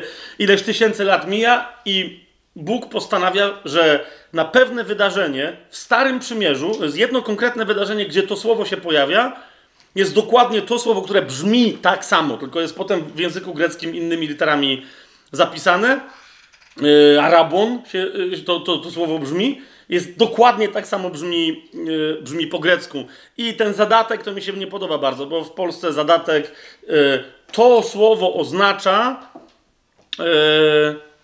osobistą, wykupioną na zawsze gwarancję. Prawo to nie jest nawet prawo pierwokupu. To, jest, to nie jest zapłacona pełna cena, ale zapłacona tak ogromna cena, że jest jasnym świadectwem że, że, że reszta ceny zostanie we właściwym czasie opłacona i ten, kto zapłacił ten zadatek, jest jedynym już z góry właścicielem, dopóki nie przyjdzie z resztą kwoty, czy po prostu sam się. Bo, bo czasem ten zadatek to nie był zadatek, to było zapłacenie całej kwoty. Rozumiecie o co mi chodzi? Że ktoś płacił całą kwotę i dostawał ten Arab, bo niektórzy to tłumaczą w języku angielskim wręcz jako token. E, rozumiesz, dostawał dowód e, ta rzecz, która była kupiona, była zapieczętowana. Jego piecze... Rozumiecie? Nikt nie mógł. Pamiętacie, jak Jezus siedział, znaczy siedział, jego ciało było złożone w grobie, był zamknięty i jego ciało było w grobie. Opieczętowali ten grób pieczęciami Piłata, żeby się, rozumiecie, żeby, żeby się każdy bał, żeby było jasne, że to, co tam leży w środku, nikt nie może zdjąć z tego pieczęci Piłata, to jest opieczętowane jego prawem, jego na, na prośbę faryzeuszy rzymscy żołnierze tam stali, pilnowali własności Piłata, tak? A więc nikt z zewnątrz nie mógł złamać tej pieczęci, bo by zginął. To on mówił, to jest moje. Jeżeli on, żeby nie przyszli uczniowie, żeby go nie wykradli i tak dalej. To jest to. To oznacza zapłatę, która pozwala coś opieczętować raz na zawsze. Pieczę, na przykład wypalić, yy, rozumiesz, kupujesz konie, tak? Tam niektórzy tak robili. Wypalali tym koniom piętno i teraz ktoś jechał dalej mówił, ale jak wrócę, to sobie je wezmę. Ale żeby nie było, że mi potem je podmienicie, to już teraz je opieczętuję. Ok? To jest to, to jest obecność Ducha Świętego w nas. Otóż z pewnych względów uważam, e, że to opieczętowanie jednak można interpretować jako należące do chrztu Duchem Świętym, a nie które jest w nas od całkowicie i kompletnie od momentu usprawiedliwienia. Ale jeszcze raz, nie chcę się bić i nie chcę się kłócić. Są pewne rzeczy, za chwilę wam je pokażę, dla, ze względu na które uważam, że mm, rzeczywiście tutaj można by się było o co kłócić, tylko nie wiem po co w ogóle ktoś by się miał kłócić. Jeszcze raz, to i tak nie jest rzecz kluczowa dla, chrzte, dla chrztu w Duchu Świętym, a więc jeżeli ktoś mówi, ale my jesteśmy opieczętowani Duchem Świętym już w momencie usprawiedliwienia, mówię, halleluja, bracie. Naprawdę nie ma potrzeby się, nie ma się o co żreć. Tak? Ciekawe tylko jest, że później ten, często ci, którzy się biją o to, że ale jesteśmy opieczętowani, później okazuje się, że się boją, czy ta pieczęć jednak nie może być zerwana. Znaczy okazuje się, że mówią, zbawienie jest pewne, bo jesteśmy zapieczętowani duchem, ale ten duch jest jakoś niepewny i można go stracić. No dajże spokój. Rozumiesz, więc, więc jak już ktoś tu się upiera mocno i w tą teologię wchodzi, rzeczywiście ona jest, jest, jest utwierdzona mocno w pismach, w pismach Pawła, że my jesteśmy duchem opieczętowani, to jeżeli ktoś uważa, że to opieczętowanie przechodzi tylko i wyłącznie przez wiarę w momencie usprawiedliwienia, jeszcze raz powtarzam, z czym jestem gotów się zgodzić, to nie wiem skąd miałby mieć potem koncepcję, że ktoś lub coś miałoby siłę zerwać tę pieczęć. Zbawienie jest pewne, jest nieutracalne, Jasno to wynika, jeżeli ktoś poważnie podejdzie do tego, co jest powiedziane o, ty, o, tym, że jesteśmy zapieczętowani nie swoją wolą, nie, że to jest niezależne od tego, jak my będziemy Bogu wierni, czy co tam się jeszcze wydarzy, ale że o, o tym, że my do Niego przynależymy i jesteśmy przeznaczeni na ostateczne odkupienie, ok? Świadczy duch, który tego pilnuje, jako pieczęć. Powiedz mi, kto we wszechświecie miałby podejść do Ducha Świętego i, i go próbować złamać? Albo zrywać. Rozumiesz o co mi chodzi? Bo, a okej, okay, Duch Święty, odlepmy go. Jeżeli ktoś w ogóle funkcjonuje w świecie duchowym, to sama taka myśl, fakt, że ja ją teraz wypowiadam, już go powinna przerazić, że dajże spokój. Nie mów, że takich rzeczy głośno, że ktoś mógłby pomyśleć głośno, bo ja nie wiem, czy se czasem nie pomyślałem. Hmm? Duch Święty jest groźny, poza tym, że jest dobry. Więc jeszcze raz posłuchajcie tego. Tym, który utwierdza nas razem z wami w Chrystusie i który nas namaścił, jest Bóg, który też zapieczętował nas, po pierwsze, i dał do naszych serc ducha jako zadatek. To, to wydarzenie, jedno jedyne, w którym się ten Arabon pojawia yy, w języku hebrajskim, to jest, jeżeli pamiętacie, jedna z tych niewielu kobiet wymienionych w rodowodzie Jezusa. To jest historia Tamar, która, przez którą musiał przyjść potomek, w rodzie którego później miał przyjść Mesjasz. I Juda ze swoimi dobra, nie będę się wyrażał, powiem, że cała ta ekipa nie chcą Tamar i nie chcą, żeby ona urodziła. Pamiętaj, że miała jednego męża, od którego potem wzięła się nazwa onanizm, bo bardzo lubił współżyć z nią, ale nie chciał za bardzo mieć dziecka, męża. Pamiętacie całą tę historię, tak? I w pewnym momencie Juda, niezwykle pobożny y, mężczyzna, y, zauważył piękną i niezwykle kuszącą prostytutkę świątynną, z której usług postanowił skorzystać, nie, nie, zupełnie nie przyjarzywszy w przyćmieniu porządliwego umysłu, że to jest Tamar. Ok? I jej mówi, o, bardzo bym chciał pobłogosławić Boga, którego czcisz, nędzna prostytutko, ale nie miał nic przy sobie. I ona mówi, okej, okay, ale ja tu jestem prosty, profesjonalną prostytutką, czym mi zapłacisz? On jej coś tam obiecał, ale mówi, ale nie mam, ale potem ci przyślę. I ona mówi, nie, nie, nie, nie. Daj mi coś, co bez wątpienia nawet na końcu świata będzie dowodem, że jesteś mi winien. I on jej wtedy daje trzy rzeczy. Nie będę się teraz w to wdawał. Jedną z tych rzeczy jest jego pierścień, który rozumiecie, który do czego służył? Do pieczętowania laku na przykład, do odbijania go w różnych rzeczach, żeby to było jasne, że to jest Juda. Dał jej, od tej pory on już nie mógł niczego innego potwierdzić, dopóki nie przysłał jej tego koźlątka, co jej obiecał, żeby mu oddała. Rozumiecie, dał jej swoją laskę, dał jej rzeczy, które, o których wszyscy wiedzieli, że należą do niego. Ok? I teraz obczajacie, że tak samo nazwany jest Duch Święty w Nowym, yy, w Nowym Przymierzu. Że On jest dokładnie tym, że Bóg nam dał. Pamiętacie przypowieść Pana Jezusa, jak wraca syn marnotrawny i, i, i co każe ojciec? Mówi, dajcie mu sandały na nogi, dajcie mu co? Pierścień na rękę i tak dalej. To, to, to jest Duch Święty. Bóg nam daje, swo... rozumiesz, że, że Bóg nam daje ducha, to znaczy być zapieczętowanym. To znaczy, że to nie, że my, rozumiesz, Duch Święty mówi, ty ode mnie się potem domagaj. Jak masz Ducha Świętego, jak potem rozumiesz, ty się potem ode mnie domagaj. Duch Święty stanie i powie: Ojcze, no to jest grane, bo tu jest gościu, który, hej, rozumiesz, on, osobie, on jest pieczęcią żywą i wołającą, jest zadatkiem. Nie, że Bóg ma zapłacić milion, a na razie dał 6 złotych, tylko rozumiesz, to jest cały, cała, cała zapłata. Jest cała, wykonało się, to jest cała zapłata za mnie zapłacona. A Duch Święty jest świadectwem tego, że cała zapłata jest zapłacone. Wszystko, cokolwiek należało, wszystko za mnie jest zapłacone. Że po, po co, żeby kiedy przyjdzie Pan Jezus i będzie wskrzeszać z martwych tych, którzy na, do Niego należą, żeby Duch Święty powiedział i jeszcze tego, i jeszcze tą, i jeszcze tego, i jeszcze tą. To jest, rozumiesz? Dlatego też On jest nazywany pocieszycielem, czyli adwokatem. Bo, bo on, po prostu jego głos będzie mówił, halo, ja jeszcze staję w imieniu tego, tego brata i tej siostry, i tego, i tamtego. Jasne jest to, to, to żeby wam pokazać, że zobaczcie w tym samym drugim e, do Koryntian w piątym rozdziale, że to naprawdę nie jest taki, wiecie, jeden tylko fragmencik, gdzie, gdzie, gdzie Paweł tak mówi o Duchu Świętym. Zobaczcie, piąty rozdział, czwarty i piąty werset. I, i żeby, żebyście zobaczyli, że to jest to, o czym ja teraz mówię, tak? E, Paweł w piątym rozdziale mówi o tym, że my mieszkamy w tym ciele, ale, ale już się chcemy go pozbyć. Nie po to, żeby być bez ciała, no ale po to, żeby dostać nowe ciało i żeby w tym nowym, wskrzeszonym ciele żyć już na zawsze z Chrystusem. I zobaczcie, w tym kontekście mówi coś o Duchu Świętym. To jest piąty rozdział, czwarty, piąty werset. Mówi tak, bo my, którzy jesteśmy w tym namiocie, wzdychamy, obciążeni, ponieważ nie pragniemy być rozebrani, ale przyodziani.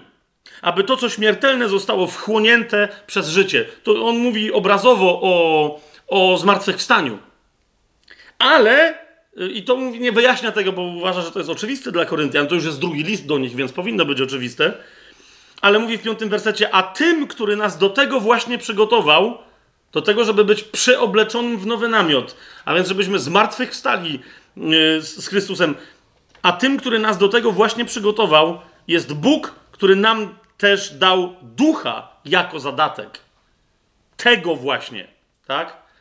On nam dał, dał zadatek. I, więc tyle. Potem cokolwiek by się nie działo, nikt się nie będzie kłócić o twoje ciało. Jak mm, Słowo Boże w innym miejscu mówi, że się w pewnym momencie o ciało Mojżesza szatan z Michałem kłócili. Pamiętacie, tam mieli spór i Michał postanowił, że, że, że, że go nie pogromi, tylko się do samego Boga odwoła. O, o twoje ciało nikt nie będzie wiódł sporu. Po prostu. Bo jest opieczętowane, to jest Duch Święty. On tam, to nie jest Michał. Z całym szacunkiem do brata Archanioła Michała, tak? Ale to, to jest Duch Święty. W liście do Efezjan, o tak, to w, liście do Efezjan e, Paweł jako, jako oczywistą prawdę w, mówi właśnie o tym, tak? I, i, i o tym wspomina. To jest pierwszy rozdział.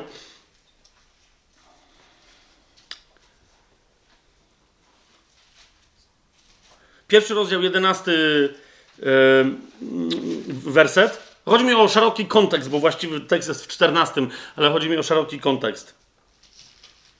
W nim mówię, w którym też dostąpiliśmy udziału, chodzi o to, że w Chrystusie, tak? W nim mówię, w którym też dostąpiliśmy udziału, przeznaczeni według postanowienia tego, który dokonuje wszystkiego według rady swojej woli, abyśmy istnieli dla uwielbienia Jego chwały. My, którzy wcześniej położyliśmy nadzieję w Chrystusie. W nim i wy położyliście nadzieję, kiedy usłyszeliście słowo prawdy, Ewangelię waszego zbawienia. W nim też, gdy uwierzyliście, zostaliście zapieczętowani obiecanym Duchem Świętym, który jest zadatkiem naszego dziedzictwa. Widzicie, co jest grane?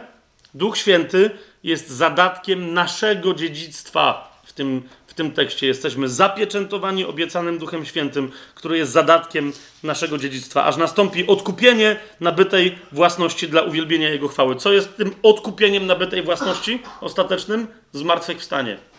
Zmartwychwstanie do. Nie tu, Marcin, nie tu konkretnie w tym tekście, ale w ogóle.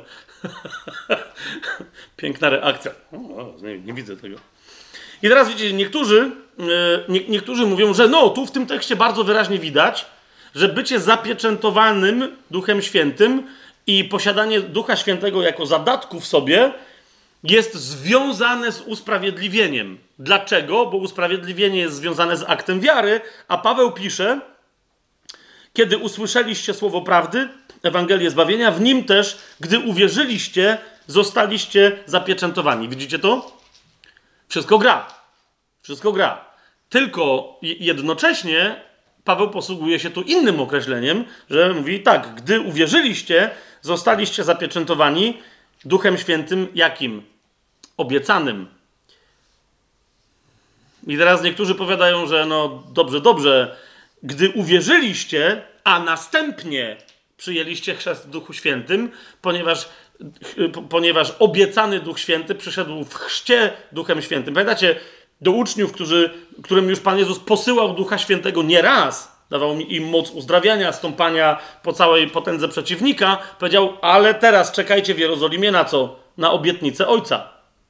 A więc niektórzy mówią, że bycie zapieczętowanym się jednak wiąże z chrztem w Duchu Świętym, ponieważ to nie ma być Duch Święty działający przez wiarę w usprawiedliwieniu, ale ten, który w sposób szczególny przechodzi w ramach tego aktu, który Biblia nazywa chrztem w Duchu Świętym. Jeszcze raz, nie, nie widzę powodu, żeby się wdawać w tę dyskusję. Załóżmy, że całe to opieczętowanie naprawdę dokonuje się. Według mnie mm, to może być też ciągły, ale nie, no niech będzie. Dokonuje się całe zapieczętowanie i otrzymanie zadatku w momencie usprawiedliwienia. Nie stanowi to żadnego problemu, ponieważ to nie jest esencja i nie stanowi to o wyjątkowości chrztu w Duchu Świętym. W chrzcie w Duchu Świętym chodzi o coś innego. A więc nawet powiedziałbym, nawet mi to pasuje. Niech będzie niech będzie, że zapieczętowanie Duchem Świętym, za, zadatek Ducha Świętego już przychodzi w momencie usprawiedliwienia. Powiedziałbym na to tylko halleluja. W czwartym rozdziale tego listu do Efezjan, jak już tu jesteśmy, yy, jeszcze raz chcę wam pokazać, że naprawdę ta, ta, ta, ta, ta, ta teza biblijna, nie hipoteza, zauważcie, ale ta teza, to twierdzenie biblijne jest, jest prawem. Tak? Jest, jest prawem, że Duch Święty jest zadatkiem. I to, rozumiesz, ale żeby go nie traktować narzędziowo, tylko to jest ktoś, kogo można zasmucić. Ale jeszcze raz zobaczcie, jak to jest powszechne przekonanie, zwłaszcza w pismach Pawłowych. W czwartym rozdziale listu do Efezjan, w 30 wersecie Paweł mówi i nie zasmucajcie Bożego Ducha Świętego, którym jesteście zapieczętowani na dzień odkupienia. No i pamiętaj, to, że Duch Święty cię pieczętuje i jest twoją gwarancją zmartwychwstania ku pełnemu odkupieniu i zbawieniu, to nie znaczy, że jest gwarancją, rozumiesz, takiego samego zmartwychwstania jak innych świętych. Ponieważ tak, dzięki jego gwarancji yy, zmartwychwstaniesz, ale pamiętaj, że staniesz na Trybunale Chrystusa. Trybunał Chrystusa cię nie potępi, ale Trybunał Chrystusa ustali, jaka należy ci się zapłata.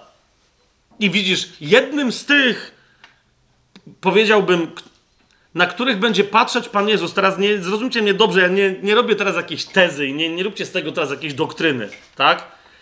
Ale w pewnym sensie, wiesz, im więcej w Twoim życiu wierności woli Boga, tym więcej radości Ducha Świętego, zgodzicie się. Im mniej, im więcej cielesności i dziadostwa, tym smutniejszy Duch Święty.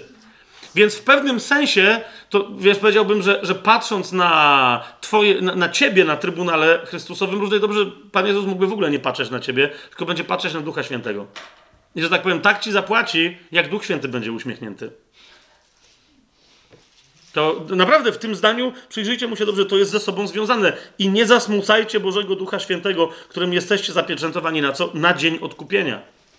Jest dzień zmartwychwstania, dzień, dzień Trybunału Chrystusowego, na którym jest powiedziane, że, że Pan Jezus odda każdemu e, stosownie do jego dobrych i złych uczynków. O uczynkach jeszcze będzie, jeszcze raz zauważcie, że to się, nie, to się wiąże z drogą uświęcenia, z naszym życiem wiary i z wiary, a nie ze zbawieniem. My nie jesteśmy zbawieni z uczynków. Jasne to jest? To jest, ale kto już jest zbawiony, zaczyna nowe życie i jako nowe stworzenie bierze odpowiedzialność za to, co robi. I w ramach tej odpowiedzialności Pan Jezus jeszcze raz mówi, nie przeklnie go, nie, nie, nie potępi, bo powiedział, ja nie przyszedłem po to, żeby potępiać, ale sprawiedliwie oceni, e, jak potem świętość Twojego życia wyglądała. Nie, nie będę dalej tego, tego tematu rozwijał, ale gdyby ktoś jeszcze chciał, to zobaczcie list do Rzymian, pierwszy rozdział, w którym myślę, że dosyć wyraźnie to, że, to, że w zmartwychwstaniu Pana Jezusa, a więc w usprawiedliwieniu Go brał udział Duch Święty, to nie tylko pierwszy do Tymoteusza nam mówi, ale wstęp do listu do Rzymian, i jednocześnie mówi nam, że to usprawiedliwienie przychodzi do nas przez łaskę również za sprawą tego samego Ducha Świętego. Ok? To jest list do Rzymian, pierwszy rozdział. Yy, czwarty werset. Gdzie jest powiedziane w trzecim wersecie o Jego Synu, o, Je o Jezusie Chrystusie, naszym Panu, który według ciała pochodził z potomstwa Dawida. I teraz uważajcie, a pokazał z mocą, że jest Synem Bożym według Ducha Świętości przez zmartwychwstanie, przez którego również otrzymaliśmy łaskę i apostolstwo. I tu chodzi o Ducha Świętego, a nie o Pana Jezusa. Tak? W, w, w, kontekście greckim, że tak powiem, gramatycznym tego, tego zdania. Czyli Pan Jezus pokazał z mocą, że jest Synem Bożym, jak? Przy pomocy Ducha Świętego. Tu jest, mamy tłumaczenie według Ducha Świętego. Przy pomocy Ducha Świętego. I on, czyli w czym mu pomógł Duch Święty? Jak to w, przy pomocy Ducha Świętego? Jak to według Ducha Świętego? Najpierw w swoim zmartwychwstaniu, kiedy Jezus zmartwychwstawał, w tym mu Duch Święty pomagał, a następnie ten Duch Święty łaskę tego zmartwychwstania przyniósł Pawłowi. Dlatego on mówi, następnie przez którego otrzymaliśmy też łaskę i apostolstwo. A to wam zwracam uwagę, bo jeszcze do tego się może dzisiaj uda nam yy, odnieść. A zatem, a zatem, pierwsza rzecz. Tak, Duch Święty byłoby szaleństwem powiedzieć, że nie bierze udziału w usprawiedliwieniu człowieka, z łaski przez wiarę. Amen? Amen? Bo to jest jasna sprawa. Ale jeszcze raz, to cała obecność Ducha Świętego krwi Chrystusowej i zmartwychwstałego i woli Ojca w tym akcie usprawiedliwienia, to wszystko, co Duch Święty tam robi, cała jego potężna odpowiedzialność, to nie jest chrzest Duchem Świętym. To jest akt przyniesienia człowiekowi łaski, nowonarodzenia tego człowieka. Pamiętacie, kto się nie narodzi z wody i z ducha, mówi Pan Jezus, tak? To jest akt nowonarodzenia, człowiek się rodzi z ducha w tym momencie, to jest prawda, ale chrzest w Duchu Świętym to nie, jest, to nie są narodziny z ducha. To nie jest powstanie, bierze udział Duch Święty w nowonarodzeniu, jasne? Ale to nie jest chrzest w Duchu Świętym. Więc jeżeli ktoś mówi, że chrzest w Duchu Świętym w tym się zawiera, nie. Chrzest w Duchu Świętym jest czymś innym niż te wszystkie rzeczy, które należą do usprawiedliwienia. Jasne? Żeby później nie mieszać faktów. Druga rzecz. Jest rzeczą oczywistą, że u osoby, która jest nowonarodzona, musi mieszkać Duch Święty, ponieważ on też jest kimś, kto umożliwia usprawiedliwionemu, wierzy, wierzącemu człowiekowi wyznanie wiary. Zrozumcie, e, ludzie bardzo często są niewdzięczni, no, nieprawdopodobnie nie, niewdzięczni. Tak? Jak, jak zaczynają, y, y, y, dlatego że diabeł wielu do tego kusi, a niektórzy sami cieleśnie myśląc tak uważają, jakby mają taką pozycję wobec Boga, że oczywiście są pokorni jak faryzeusze, wykonują tam jakieś rzeczy, ale de facto mówią, ale to ja Bogu odpowiedziałem. To ja, to ja, to ja powiedziałem, to ja przyjąłem zbawienie, to ja, to była moja decyzja. Oczywiście, że twoja. To była moja decyzja, żeby od tej pory Jezus był Panem w moim życiu. Oczywiście, że twoja. Ale jednocześnie zrozum, że byłoby niemożliwe do wykonania przez ciebie to, co mówisz, że ci się udało wykonać bez Ducha Świętego. Jeszcze raz dla kontekstu. W liście do Rzymian w 10 rozdziale, mm, w 9 i w 10 wersecie mamy mowę o tym, że człowiek w sercu wierzy, a ustami co robi? Wyznaje. Wyznaje. Człowiek, który w sercu uwierzył, został usprawiedliwiony, co wtedy ma wyznać ustami, bo już może? Że Jezus jest Panem. Zgadza się? Teraz widzisz, że w tym akcie usprawiedliwienia bierze udział Duch Święty i że dalej funkcjonuje i działa Duch Święty, bez którego to wszystko byłoby niemożliwe. Otwórzmy sobie pierwszy list do Koryntian. Oczywisty werset, ale którego niektórzy w ogóle nie wiążą, jakby ten werset wiążą, wiążą z praktyką uwalniania ludzi od demonów. Zapominając o tym, że on się przede wszystkim wiąże z aspektem bycia zbawionym ok, przez Pana Jezusa. Mianowicie, człowiek, który uwierzył w sercu, teraz ma powiedzieć, że Jezus jest Panem. Nie jest to możliwe bez obecności Ducha Świętego i bez Jego mocy i bez Jego pomocy. Pierwszy do Koryntian 12 rozdział, trzeci werset o tym mówi bardzo wyraźnie. Dlatego oznajmiam wam, że nikt, kto mówi przez Ducha Bożego, nie powie, że Jezus jest przeklęty, Nikt też nie może powiedzieć, że Jezus jest Panem, jak tylko przez Ducha Świętego. Widzicie to? Jeszcze raz, niektórzy mówią, skoro ja jestem zdolny do tego, żeby powiedzieć, że Jezus jest Panem, to znaczy, że jestem ochrzczony w Duchu Świętym.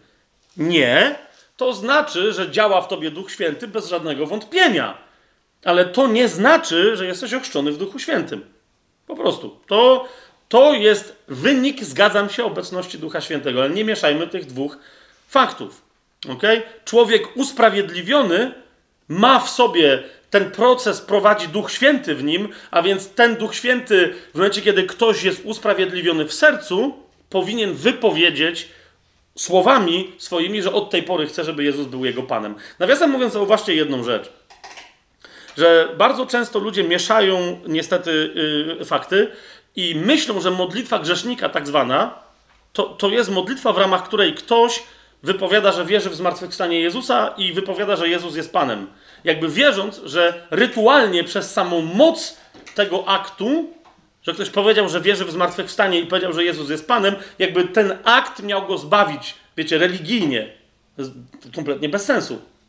Wiara w sercu, już sobie to wyjaśniliśmy, czym jest, tak? Jestem grzesznikiem, jestem grzeszny, od tej mojej grzeszności i wyniku tej grzeszności, czyli konkretnych grzechów, zbawia mnie tylko ofiara Jezusa na krzyżu. To jest usprawiedliwienie. I teraz o co mi chodzi? Akt wyznania wiary w Jezusa jako Pana jest też aktem decyzji, w ramach której rezygnuję z decydowania w moim życiu. To jest decyzja, w ramach której stwierdzam, że od tej pory decyzje, już wszystkie następne, podejmuje Jezus. Teraz zauważ, ta decyzja jest niemożliwa do podjęcia bez Ducha Świętego. To jest decyzja. Dlatego Duch Święty ci jest konieczny w tym momencie, ponieważ ciało jest dopiero co zbawione.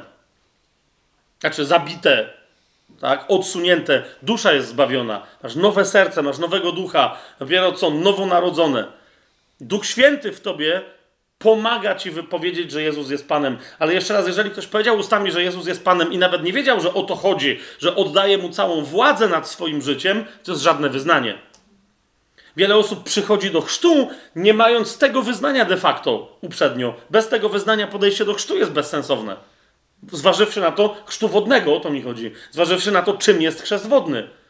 To nie jest tylko teatrzyk dla świata, bo niektórzy wręcz takie teologie wyznają, mówią, że to jest po prostu publiczne przyznanie się przed światem, że jestem chrześcijaninem. No nie. Słowo Boże tak tego yy, yy, absolutnie nie widzi i tak tego nie przedstawia. Więc jeszcze raz, usprawiedliwienie dokonujące się w, w, sercu to jest, to jest akt grzesznika świadomego, kim jest, przyjęcia ofiary Chrystusa zastępczej za siebie. Wyznanie, że Jezus jest Panem, a więc poddanie się Jego panowaniu, pod posłuszeństwo Jezusowi i Jego woli, może się dokonać tylko w Duchu Świętym. Zauważ, jak od tej pory ktoś, bo jeszcze nic nie zrobił dalej, nie, nawet nie poszedł do wody się ochrzcić. Z jakiegoś powodu, bo nie ma wody. Jest na pustyni. Jeżeli, jeżeli zauważ, on musi dalej mieć duch, bo niektórzy mówią, że ale ja słyszę Ducha Świętego. Zrozum, Duch Święty pozwala ci powiedzieć, że Jezus jest Panem. Jeżeli Jezus jest Panem, to znaczy, że teraz w każdej sytuacji swojej życiowej nie tylko, że masz prawo się go pytać, ale wręcz powiedziałbym, powiedziałbym, mówię, masz obowiązek się pytać, Panie Jezu, Jezu, Ty jesteś Panem, więc czego Ty chcesz? Musisz mieć Ducha Świętego na bazie tego wyznania. To jest po prostu, to jest, to jest Twoje prawo, Twój przywilej. Musisz mieć Ducha Świętego, który Ci będzie przekazywać głos Jezusa, który Ci mówi, czego od Ciebie chce. Jak inaczej miałby panować w Twoim życiu? Amen? No jasne jest to, co, jasne jest to, co mówię, ale jeszcze raz, to nie jest chrzest w Duchu Świętym, że słyszysz głos Jezusa i, i że wiesz, w którą stronę masz pójść. Okay? Tak, to jest robota Ducha Świętego, ale to jeszcze nie jest chrzest w Duchu Świętym. Dalej. Niektórzy powiadają, że odcięcie, a no okej, okay, ale zobacz, mi się udało w moim życiu odciąć od ciała. Wreszcie dostałem moc w moim życiu do tego, żeby zwalczać to, to co cielesne. Czy to nie jest chrzest w Duchu Świętym? Przyjacielu, siostro, bracia, ktokolwiek o tym mówi, to jest dzieło Ducha Świętego. Z tym się zgadzam absolutnie, ale to nie jest chrzest Duchem Święty, w Duchu Świętym. To jest dzieło Ducha Świętego i Pana Jezusa, i Ojca, które się dokonuje w chrzcie wodnym. List do Rzymian, szósty rozdział, mówi bardzo wyraźnie. I teraz sęk w tym, że Duch Święty działa w chrzcie wodnym. Amen? Ale chrzest wodny, to chcę powiedzieć, nie jest chrztem w Duchu Świętym. Po prostu. Otóż w chrzcie wodnym, to jest list do Rzymian, i teraz jeszcze o tym będziemy później więcej mówić, ale zauważcie, że chrzest wodny jest wyraźnie w Biblii odróżniony od chrztu w Duchu Świętym. Jak ktoś tego nie widzi, to sobie później to wyraźnie pokażemy. Ale teraz tylko zaznaczam, że Słowo Boże, nawet jakby ktoś tu miał wątpliwości, wyraźnie odgranicza i rozróżnia chrzest wodny od chrztu w Duchu Świętym. Później sobie to pokażemy, ale już teraz miej to w głowie. Więc jeżeli gdzieś mówi Słowo Boże wyraźnie o chrzcie wodnym, a co to jest chrzest wodny? Chrzest wodny to jest chrzest w imieniu Jezusa Chrystusa. Tak? Więc jeżeli Biblia mówi gdzieś o chrzcie wodnym, to nie mówi o chrzcie w Duchu Świętym, który wyraźnie odróżnia. Natomiast mówi o tym, że Duch Święty absolutnie w chrzcie wodnym działa. Co to jest chrzest wodny? Szósty rozdział listu do Rzymian, trzeci werset. Mówi o tym w pigule przepotężnej. Pytając retorycznie, Paweł pyta retorycznie Rzymian, Czyż nie wiecie, że my wszyscy, którzy zostaliśmy ochrzczeni w Jezusie Chrystusie, w Jego śmierci zostaliśmy ochrzczeni? Teraz e, e, słowo chrzcić w języku greckim oczywiście oznacza, bo my mamy to, to, tą, tą religijną konotację, ale ono oznacza zanurzanie kogoś po prostu w wodzie. Tak? E, więc tu jest y, gra słów słowa, w zasadzie jednego, która mówi równie dobrze, można by to naprawdę po prostu przetłumaczyć. Czyż nie wiecie, że my wszyscy, którzy zostaliśmy zanurzeni w Jezusie Chrystusie, w Jego śmierci zostaliśmy zanurzeni. Ok? Teraz co to oznacza? No bo no dobra, to, to fajnie, ale co to oznacza? Szósty i siódmy werset powiadają, wiedząc o tym, że nasz stary człowiek został ukrzyżowany razem z nim, wspólnie, czyli z kim? Z Chrystusem. Po co? Aby ciało grzechu, i teraz zwróćcie uwagę, jakim słownictwem Paweł się posługuje, kiedy się skupia na ciele. Zawsze mówi, że to jest ciało grzechu, lub też, że ciało jest poddane prawu grzechu i śmierci. Tak?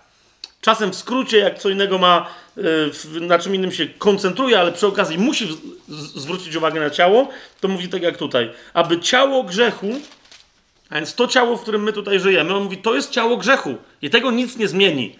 Z wyjątkiem śmierci tego ciała. I teraz, czym jest chrzest? Aby ciało grzechu zostało zniszczone, żebyśmy już więcej nie służyli grzechowi. Kto bowiem umarł, został uwolniony od grzechu. A więc Paweł mówi: Chrzest jest decyzją na to, żeby moje ciało umarło. I teraz chodzi o to, że to nie jest samobójstwo, tak? Co prawda, można byłoby kogoś przytrzymać pod tą wodą, żeby się udusił. O to chodzi w tym symbolu, ale to nie, kiedy ma przyjść na ciebie śmierć fizyczna tego ciała, to przyjdzie. To jest tylko decyzja w świecie duchowym rozpoznana, że od tej pory ty uważasz swoje ciało za martwe. Teraz wiesz, każdy sobie może tak ogłosić i nic z tego, ale tym, który powoduje, że ten akt jest ważny, jest właśnie Duch Święty. Ok?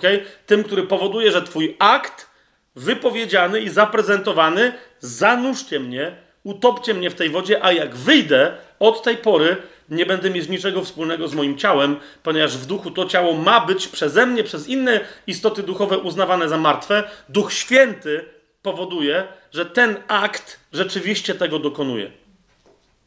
Tak? Jeszcze raz powtórzę, szósty werset. Nasz stary człowiek został ukrzyżowany razem z nim w chrzcie, aby ciało grzechu zostało zniszczone, żebyśmy już więcej nie służyli grzechowi. Kto bowiem umarł, został uwolniony od grzechu. Uwolnienie w chrześcijaństwie od grzechu dokonuje się poprzez śmierć ciała jako nośnika grzechu. A śmierć ciała jako nośnika grzechu dokonuje się w chrzcie, duchowo. Ok? I dlatego w 11 wersecie potem Paweł mówi: Tak więc i wy uważajcie siebie za martwych dla grzechu. Po prostu. Od tej pory, od momentu chrztu. I teraz to wasze uważanie się to nie będzie tylko ćwiczenie, abstrakcyjne z, z wysiłku woli, ale pamiętaj, od tej pory Twój duch jest mocniejszy od ciała. Od tej pory Twój duch jest mocniejszy od ciała. Czyją mocą Ducha Świętego. A więc nie masz usprawiedliwienia, jeżeli od tej pory dalej grzeszysz. O to, o to, o to chodzi Pawłowi. Mówi, masz moc, żeby nie grzeszyć. Trudniej jest, powinno być trudniej po chrzcie wodnym chrześcijaninowi. Powinno być trudniej grzeszyć niż nie grzeszyć. To powinno być Twoje doświadczenie. Po prostu. Jasne, są chrześcijanie, którzy wracają potem do. Ale to po prostu nie masz wtedy żadnych, żadnych usprawiedliwień, ponieważ masz. Wcześniej nie było siły, ale po chrzcie wodnym Duch Święty daje ci łaskę do, wal, do walki z grzechem. Yy, stąd 12-13 werset. Niechże więc grzech nie króluje w waszym śmiertelnym ciele. Widzisz, to ciało grzechu jest ciałem śmierci. Tak? Niechże więc grzech nie króluje w waszym śmiertelnym ciele, żebyście mieli mu być posłuszni w jego porządliwościach. 13. I nie oddawajcie waszych członków jako oręża niesprawiedliwości grzechowi, ale oddawajcie, w sensie od tej pory, yy, samych siebie Bogu, jako ożywieni z martwych i wasze członki jako oręż sprawiedliwości Bogu. W 22 wersecie, całe, cała ta myśl tu jest podsumowana w 22 wersecie. Paweł mówi: Teraz uwolnieni od grzechu, to jest to, co robi chrzest. Teraz uwolnieni od grzechu, kiedy staliście się sługami Boga, macie swój pożytek ku uświęceniu, a na końcu życie wieczne. To jest y, sens całej pracy naszej, czemu jeszcze po, po grzechu, po, po, po, po, końcu ciała grzechu, tak? Czemu jeszcze dalej żyjemy? Służyć Bogu, robić różne rzeczy, ale także po to, żeby przejść w ramach drogi uświęcenia, dać Bogu dojrzeć w nas, dać owocom dojrzeć w nas, a to są zawsze owoce uświęcenia. Skąd wiemy, że, że to jest robota Ducha Świętego? Bo potem Paweł w siódmym rozdziale mówi o walce, która się mimo wszystko toczy w ciele. I on mówi, wiem, że ona się toczy. Ale jednak w ósmym rozdziale mówi bardzo wyraźnie, że ta walka, mimo że się toczy, ona jest wygrana po chrzcie. Dzięki komu? Dzięki Duchowi Świętemu. Zobacz, ósmy rozdział, pierwszy, drugi werset mówi, dlatego teraz żadnego potępienia nie ma dla tych, którzy są w Jezusie Chrystusie, którzy nie postępują według ciała, ale według ducha. Jeszcze raz, jeszcze raz. Chrzest wprowadza cię w te rejony, w których możesz postępować według ducha, ale nadal Duch Święty nie będzie cię zmuszał. Duch Święty nie jest duchem opętującym, bo jest duchem dobrym. Czy to jest jasne, co ja mówię? To jest duch święty, więc to jest duch dobry. On, on ci zostawia wolność, tylko, tylko daje ci moc, tak? Dopomaga, two, ale to jest Twoja wola, co, co się będzie dalej działo. To jest, twoje, to jest Twoja dobrowolna decyzja i ona nie jest trudna. Teraz zauważ jeszcze raz, pierwszy, drugi werset, to w całości przeczytam. Dlatego teraz żadnego potępienia nie ma dla tych, którzy są w Jezusie Chrystusie, którzy nie postępują według ciała, ale według ducha. Gdyż prawo ducha życia, które jest w Jezusie Chrystusie, uwolniło mnie od prawa grzechu i śmierci. Widzicie to? Kto działa w chrzcie wodnym? Duch Święty, który przychodzi, bo to On przynosi, zauważ jeszcze raz, prawo ducha życia. Kto jest duchem życia? Duch Święty. On przychodzi z nowym prawem w chrzcie wodnym i usuwa władzę, w ogóle usuwa prawo grzechu i śmierci. Ciało jeszcze pozostaje, ale, ale ten, który, to jest to, o czym później w pierwszym Janowym słyszymy, ten, który jest w nas, większy jest od tego, który jest w świecie. To mówi o Jezusie. A o duchu powiedziałbym, trawestując, ten, który jest w nas, ten Duch Święty, który jest w moim ludzkim duchu, jest większy od tego prawa, które, które cały czas jeszcze się plącze po moim ciele. Jest to jasne, co, co teraz powiedziałem? Dobrze. Jak nie jest, to, to sobie potem sami doglądnijcie, o co jeszcze idzie. Zostańmy w tym ósmym rozdziale, bo, bo tu, tu się ważne rzeczy dzieją. One pokazują to, jak Duch Święty powinien działać w ludziach. Uwaga, jeszcze raz. Niekoniecznie ochrzczonych w Duchu Świętym, ale ochrzczonych w wodzie. To wystarczy.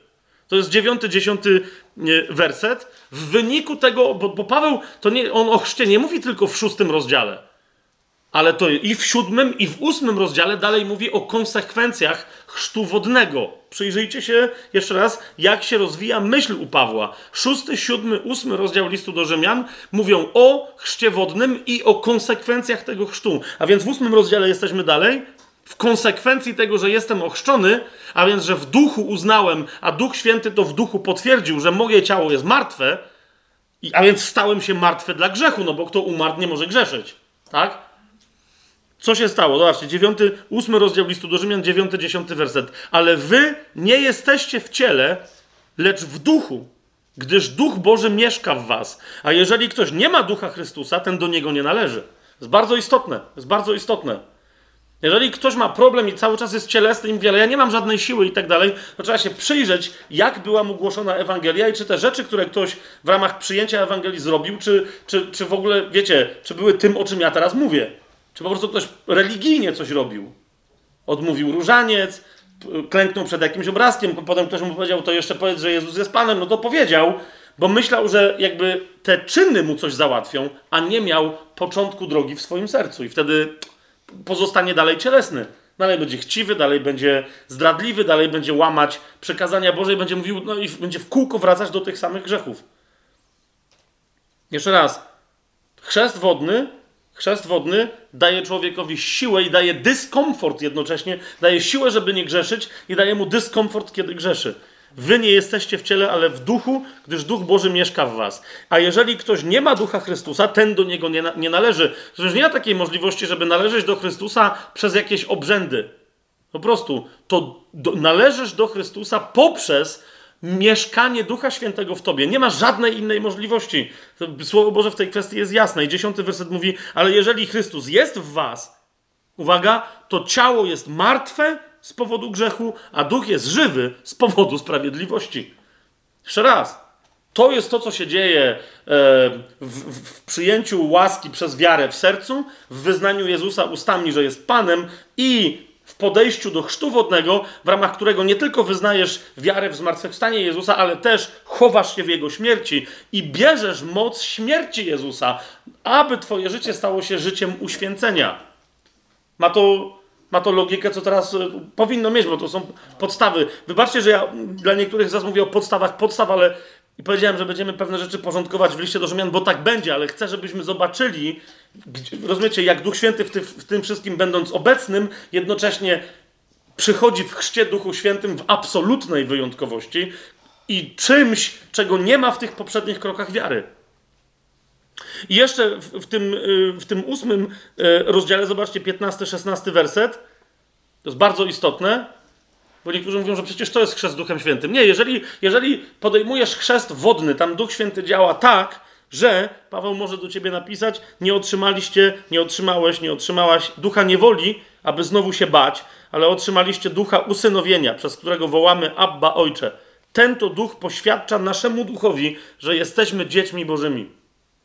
Jeżeli jesteś osobą nowonarodzoną, e, to, to, to się dzieje. Zobaczcie Ewangelię Jana, pierwszy rozdział Yy, wprowadzenie do Ewangelii Jana, Słowo Boże rodzi nas do nowego życia w Duchu Świętym. To oznacza, że, że Słowo Boże dało nam moc, że Logos, Chrystus dał, dał nam moc. To jest pierwszy rozdział Ewangelii Jana yy, od dziesiątego wersetu. Był na świecie, a świat został przez Niego stworzony, ale świat Go nie poznał. To, to jest Jezus. Do swej własności przyszedł, a swoi go nie przyjęli. Lecz wszystkim tym, którzy go przyjęli, uważajcie, dał moc, aby się stali synami Bożymi. To jest tym, którzy wierzą w Jego imię, którzy są narodzeni nie z krwi, ani z woli ciała, ani z woli mężczyzny, ale z Boga. Ci, którzy się. Na... Widzisz, te narodziny są przez wiarę, nie przez te wszystkie następne rzeczy. Tam już działa moc. I ten Duch Święty, który potem prowadzi nas do tego, żeby wyznać Jezusa jako Pana. Swoją drogą nie wyobrażam sobie, żeby ktoś, jeżeli w sercu swoim uwierzy, to jest pierwsza rzecz, zwróćcie uwagę na to, jeżeli w sercu swoim naprawdę uwierzy i zostanie usprawiedliwiony, skoro działa w nim Duch Święty, a działa, nie wyobrażam sobie, żeby nie chciał przejść naturalnie krok dalej, żeby wyznać Jezusa jako Pana.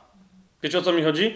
Nie wyobrażam sobie dalej, jeżeli ktoś naprawdę idzie, idąc tą drogą wyznał Jezusa jako Pana, żeby w pewnym momencie nie został poinformowany przez Ducha Świętego o chrzcie wodnym.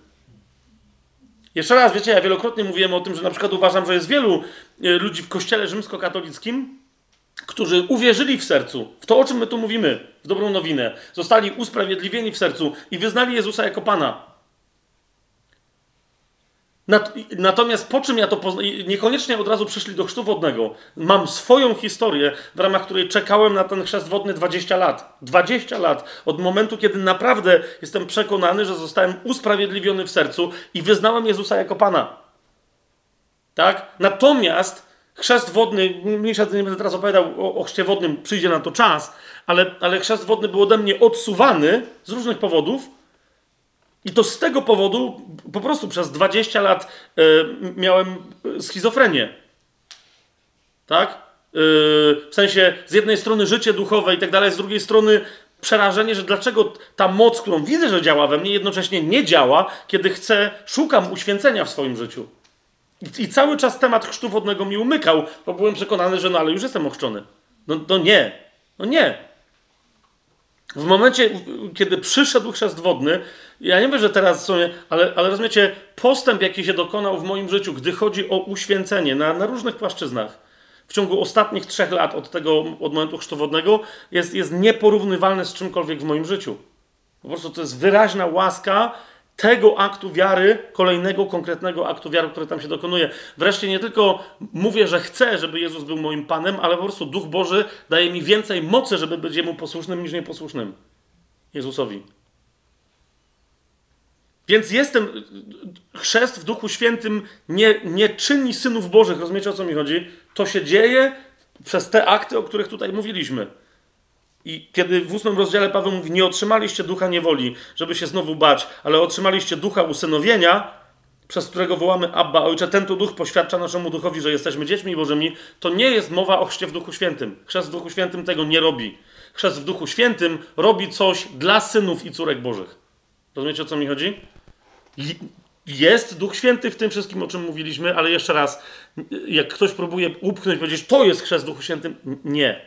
To jest działanie Ducha Świętego, ale to nie jest chrzest w Duchu Świętym. 23 werset.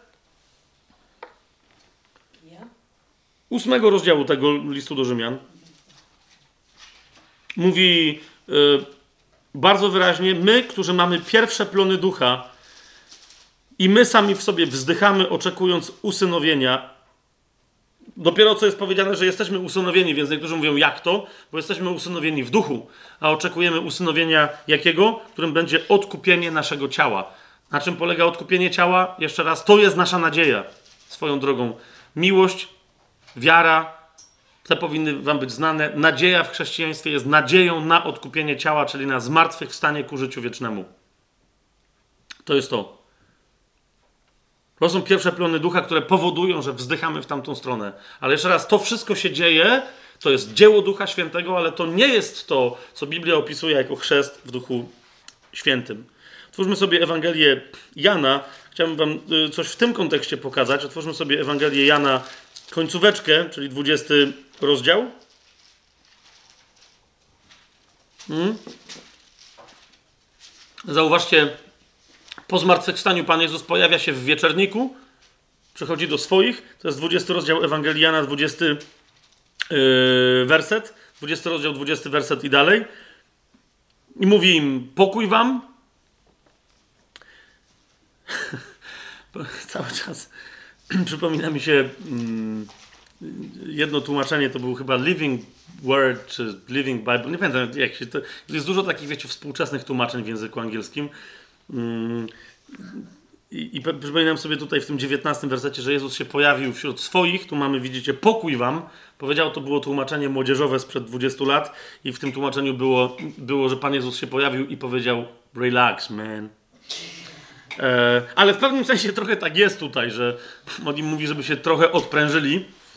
I w 20 wersecie to powiedziawszy, pokazał im swoje ręce i bok, i uradowali się uczniowie, ujrzawszy Pana. Ale teraz zobaczcie, co, co Jezus mówi i co robi w tym momencie. To jest przed zesłaniem Ducha Świętego, przed pięćdziesiątnicą, a więc uwaga, przed chrztem w Duchu Świętym. Co Jezus robi? Jezus znowu powiedział do nich: Pokój wam. Jak ojciec mnie posłał, tak i ja was posyłam.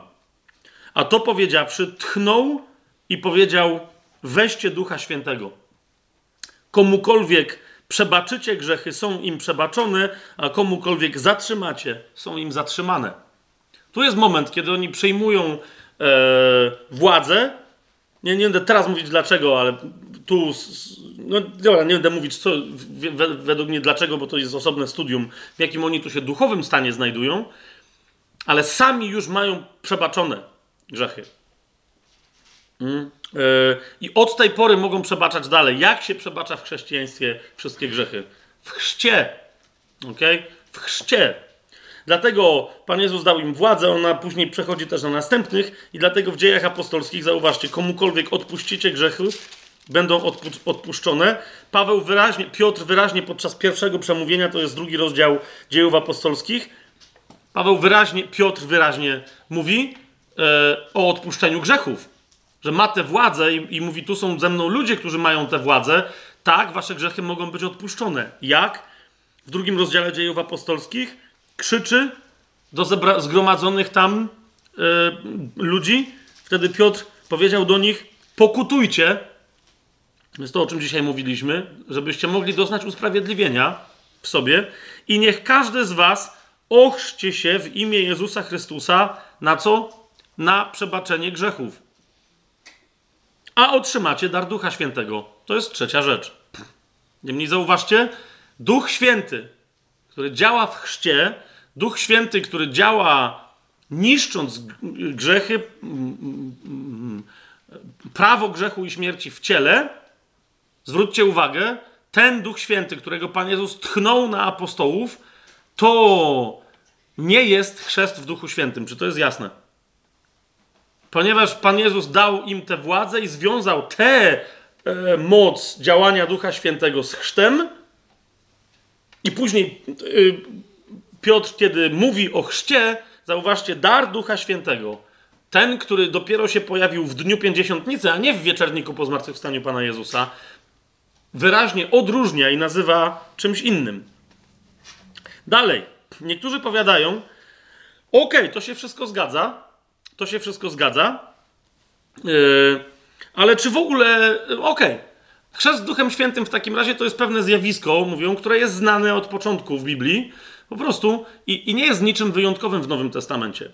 No oni mówią, że, że, że chrzest w Duchu Świętym i, I co jest interesujące, dzisiaj wielu, y, y, wiele nurtów zielonoświątkowych czy charyzmatycznych tak uważa. Więc teraz rozumiecie, nie mówię o tych, którzy negują chrzest Duchem Świętym, ale którzy mówią, nie, chrzest Duchem Świętym jak najbardziej i przypisują mu niewłaściwe historie. Mówią po prostu, my potrzebujemy y, tego, co zawsze Duch Święty robił, a mianowicie prorokowania, znaków i cudów. To jest to. Kiedy Duch Święty przychodzi, to one, i to jest Dzień Pięćdziesiątnicy, to jest to, że my możemy głosić, jest mm, pokuta, nawrócenie, chrzest, ale kiedy przychodzi chrzest w Duchu Świętym, wtedy się pojawia prorokowanie, znaki i cuda. A zwłaszcza z akcentem na znaki i cuda. Ale niech będzie, niech się zacznie chociaż od prorokowania. A więc muszą nastąpić e, bardzo wyjątkowe rzeczy. Teraz ja nie chcę tego negować, żeby nie było, że absolutnie tak, Chcę tylko pokazać, że owszem, zgadzam się, to była zawsze robota Ducha Świętego, a jednocześnie chcę powiedzieć, że właśnie dlatego, że to była zawsze robota, robota dzieło Ducha Świętego, to nie jest coś wyjątkowego dla chrztu w Duchu Świętym. Pan Jezus wyraźnie powiedział: czekajcie na obietnicę Ojca, na coś zupełnie nowego. Pamiętacie, jak on się żegna w dziejach apostolskich z apostołami i mówi: nie, To jest nie wasza pora, znać czasy, chwile. Wszystko to, co wy wiecie, Najpierw musi przyjść obietnica Ojca, to jest coś zupełnie nowego. Moje pytanie brzmi, jak zupełną nowością ma być pojawienie się Ducha Świętego ze znakami, cudami, z prorokowaniem? Jak? Skoro zawsze to robił. A więc, kiedy Duch Święty w Dzień Pięćdziesiątnicy przychodzi z czymś absolutnie nowym, zgadzam się, że przychodzi z kolejną falą, z obudzeniem prorokowania, z pojawieniem się znaków i cudów. Ale jeszcze raz chcę, żebyście pamiętali, tak, po Duchu Świętym należy się spodziewać, że kiedy przyjdzie, będzie robić rzeczy nadprzyrodzone, wyjątkowe, cudowne, rzeczy, które ludzie nazwą znakami, ale jeszcze raz, to nie jest charakterystyczne dla chrztu w Duchu Świętym. To nie, to powiedziałbym, że trochę to nie do końca, to ma całkowicie związek z Duchem Świętym, ale nie ma w ogóle związku z chrztem w Duchu Świętym. Ok? Natomiast, żebyście zobaczyli o co mi chodzi, otwórzmy sobie księgę liczb, czyli czwartą Mojżeszową. Tak, tylko y, ja o tym wspominałem poprzedni, na poprzednich spotkaniach, ale teraz zobaczcie, jak nam się ta wiedza przyda, tak? Bo ktoś, y, nam tego posłuchał, to teraz nie będzie musiał się za bardzo. A okej, okay, rzeczywiście myśmy tego, y, tego dotykali. To jest czwarta Mojżeszowa, czyli księga liczb, 11 rozdział. W 16, 17 wersecie Jachwę, Bóg mówi do Mojżesza, Jachwę powiedział do Mojżesza: Zbierz mi 70 mężczyzn spośród starszych Izraela, o których wiesz, że są starszymi ludu oraz jego przełożonymi. Przyprowadź ich do namiotu zgromadzenia i niech tam staną wraz z tobą. A ja stąpię i będę tam z tobą rozmawiał.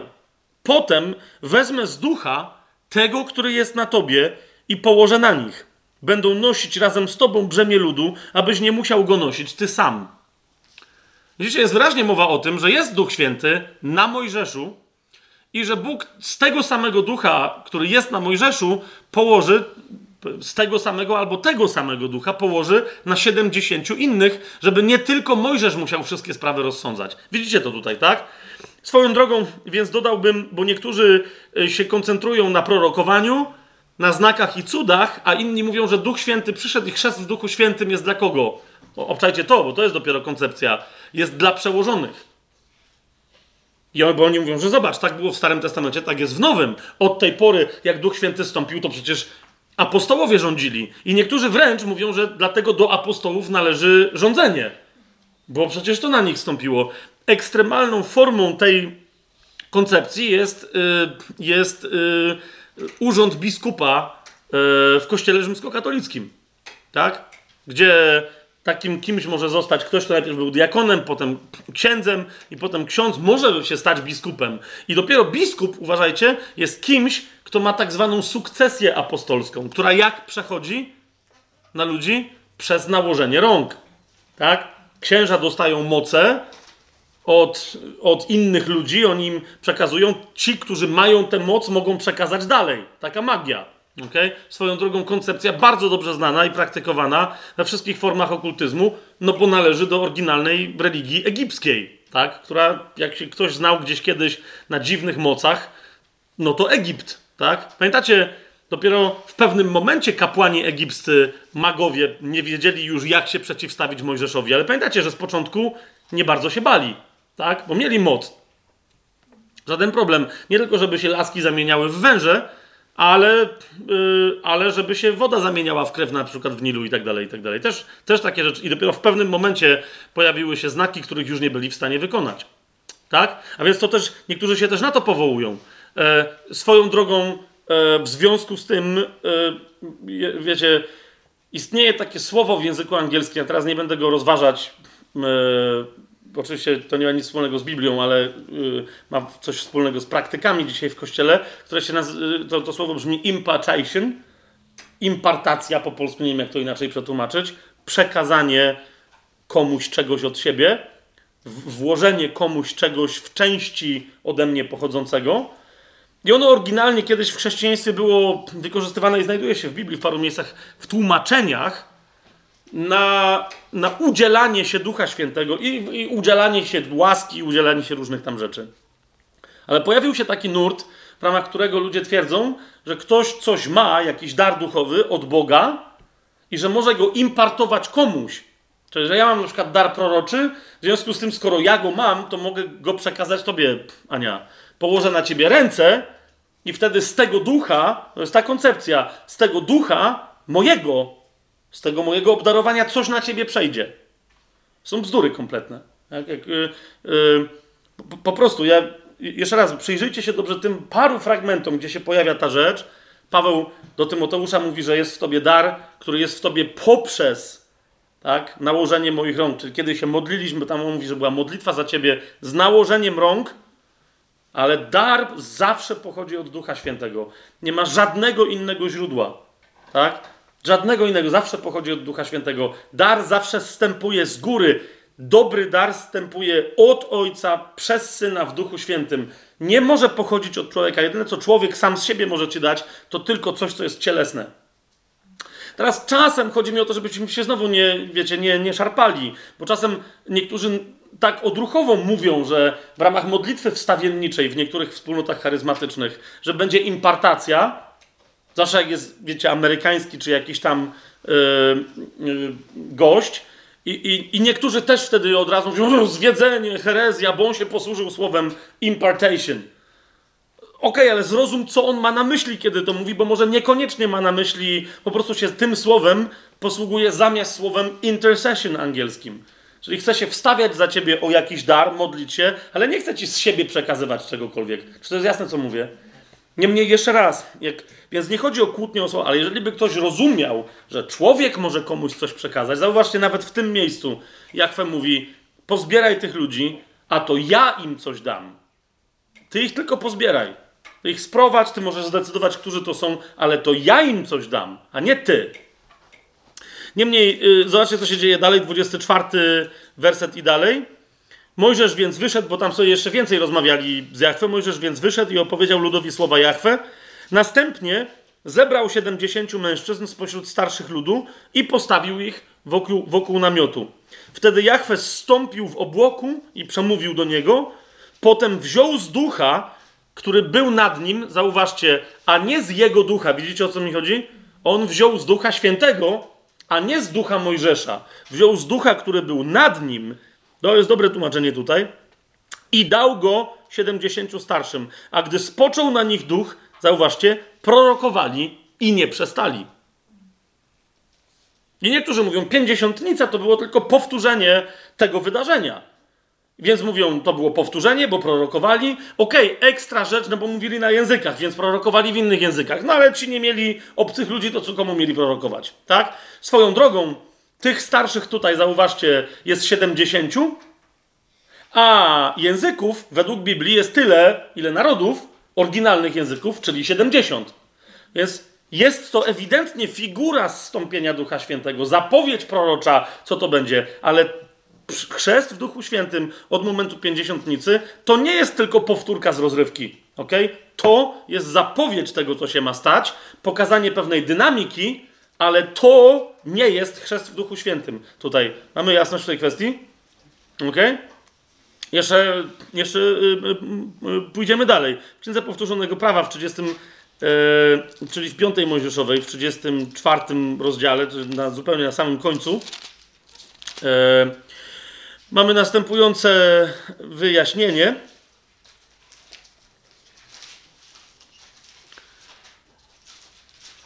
Tam jest inny człowiek, widzicie, taki jak yy, między Mojżeszem a Jozułem istniała podobna więź, jak, jak dzisiaj istnieje pomiędzy tymi, którzy wyprzedzają innych w wierze, są starsi w wierze, modlą się i tak dalej.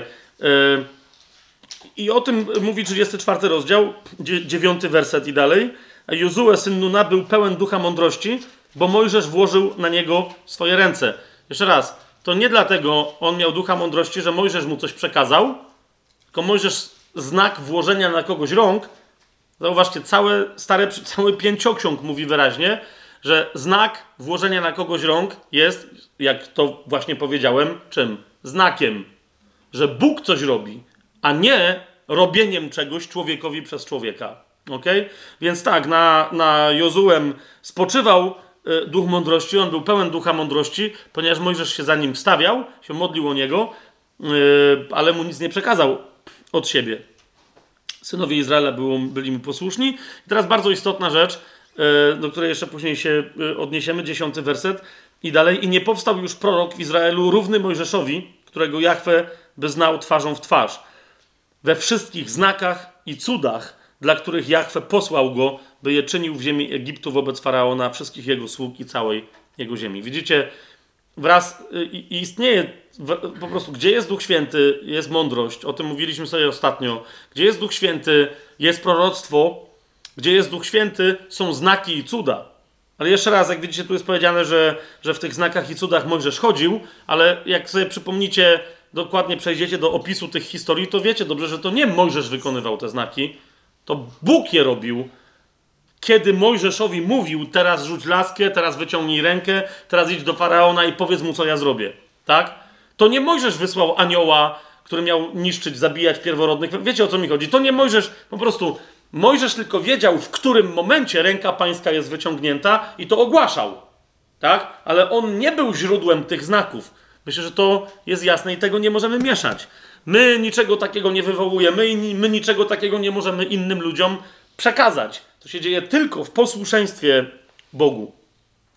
I teraz, żeby to było jasne, już kiedyś o tym mówiłem, jeszcze raz to tylko przypomnę, żebyśmy mieli teraz bezpośredni kontekst. Widzicie, Łukasz nie jest głupcem przecież, jest niezwykle mądrym człowiekiem. Łukasz, który pisze dzieje apostolskie, najpierw napisał Ewangelię.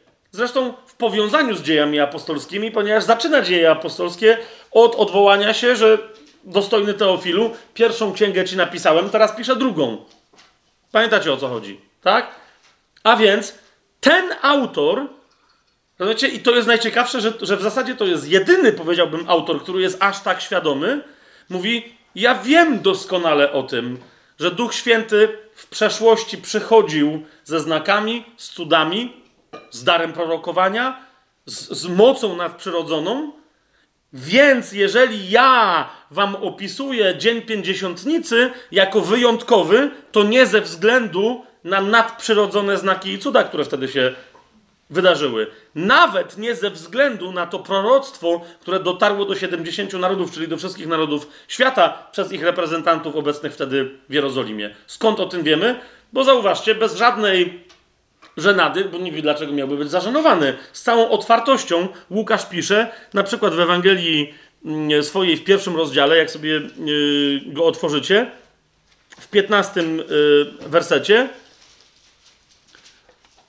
zanim jeszcze Pan Jezus się pojawił na ziemi, zauważcie, a więc my jesteśmy de facto w Starym Testamencie tutaj, mówi wyraźnie, zapowiadając, e, że, że w zapowiedzi przyjścia na świat Jana Chrzciciela, a nie Pana Jezusa, że co się stanie, będzie wielki w oczach Pana, Jan Chrzciciel, nie będzie pił wina ani mocnego napoju, uwaga, i zostanie napełniony Duchem Świętym już w łonie swojej matki. Ok? Czy on więc mówił, że, że Jan Chrzciciel doświadczy chrztu w Duchu Świętym? No nie, bo gdyby go doświadczył, to Pan Jezus potem by nie powiedział, że z wszystkich narodzonych z niewiasty największy jest kto? Jan Chrzciciel. Ale jednocześnie powiedział, ale najmniejszy w Królestwie Niebieskim jest większy od niego. Co wyraźnie pokazuje, to nie, nie, tylko ten jeden fragment, ale ten jest najbardziej oczywisty, że Pan Jezus postrzega Jana Chrzciciela jako ostatniego, największego, e, oprócz siebie oczywiście, ale, ale największego, nawet większego niż Mojżesz, e, powiedziałbym, proroka Starego Testamentu, który, zauważcie, bez żadnego problemu jest napełniony Duchem Świętym. Jeszcze raz, po co? Po to, żeby prorokować. Czy to znaczy, że jest ochrzczony Duchem Świętym w tym rozumieniu, jak, jak, jak, jak Biblia nam je pokazuje, jak Pan Jezus to zamyślił i Ojciec i tak dalej, jak to się wykonało w dziejach apostolskich? Nie! Nie! Zobaczcie, w 47 rozdziale, wersecie,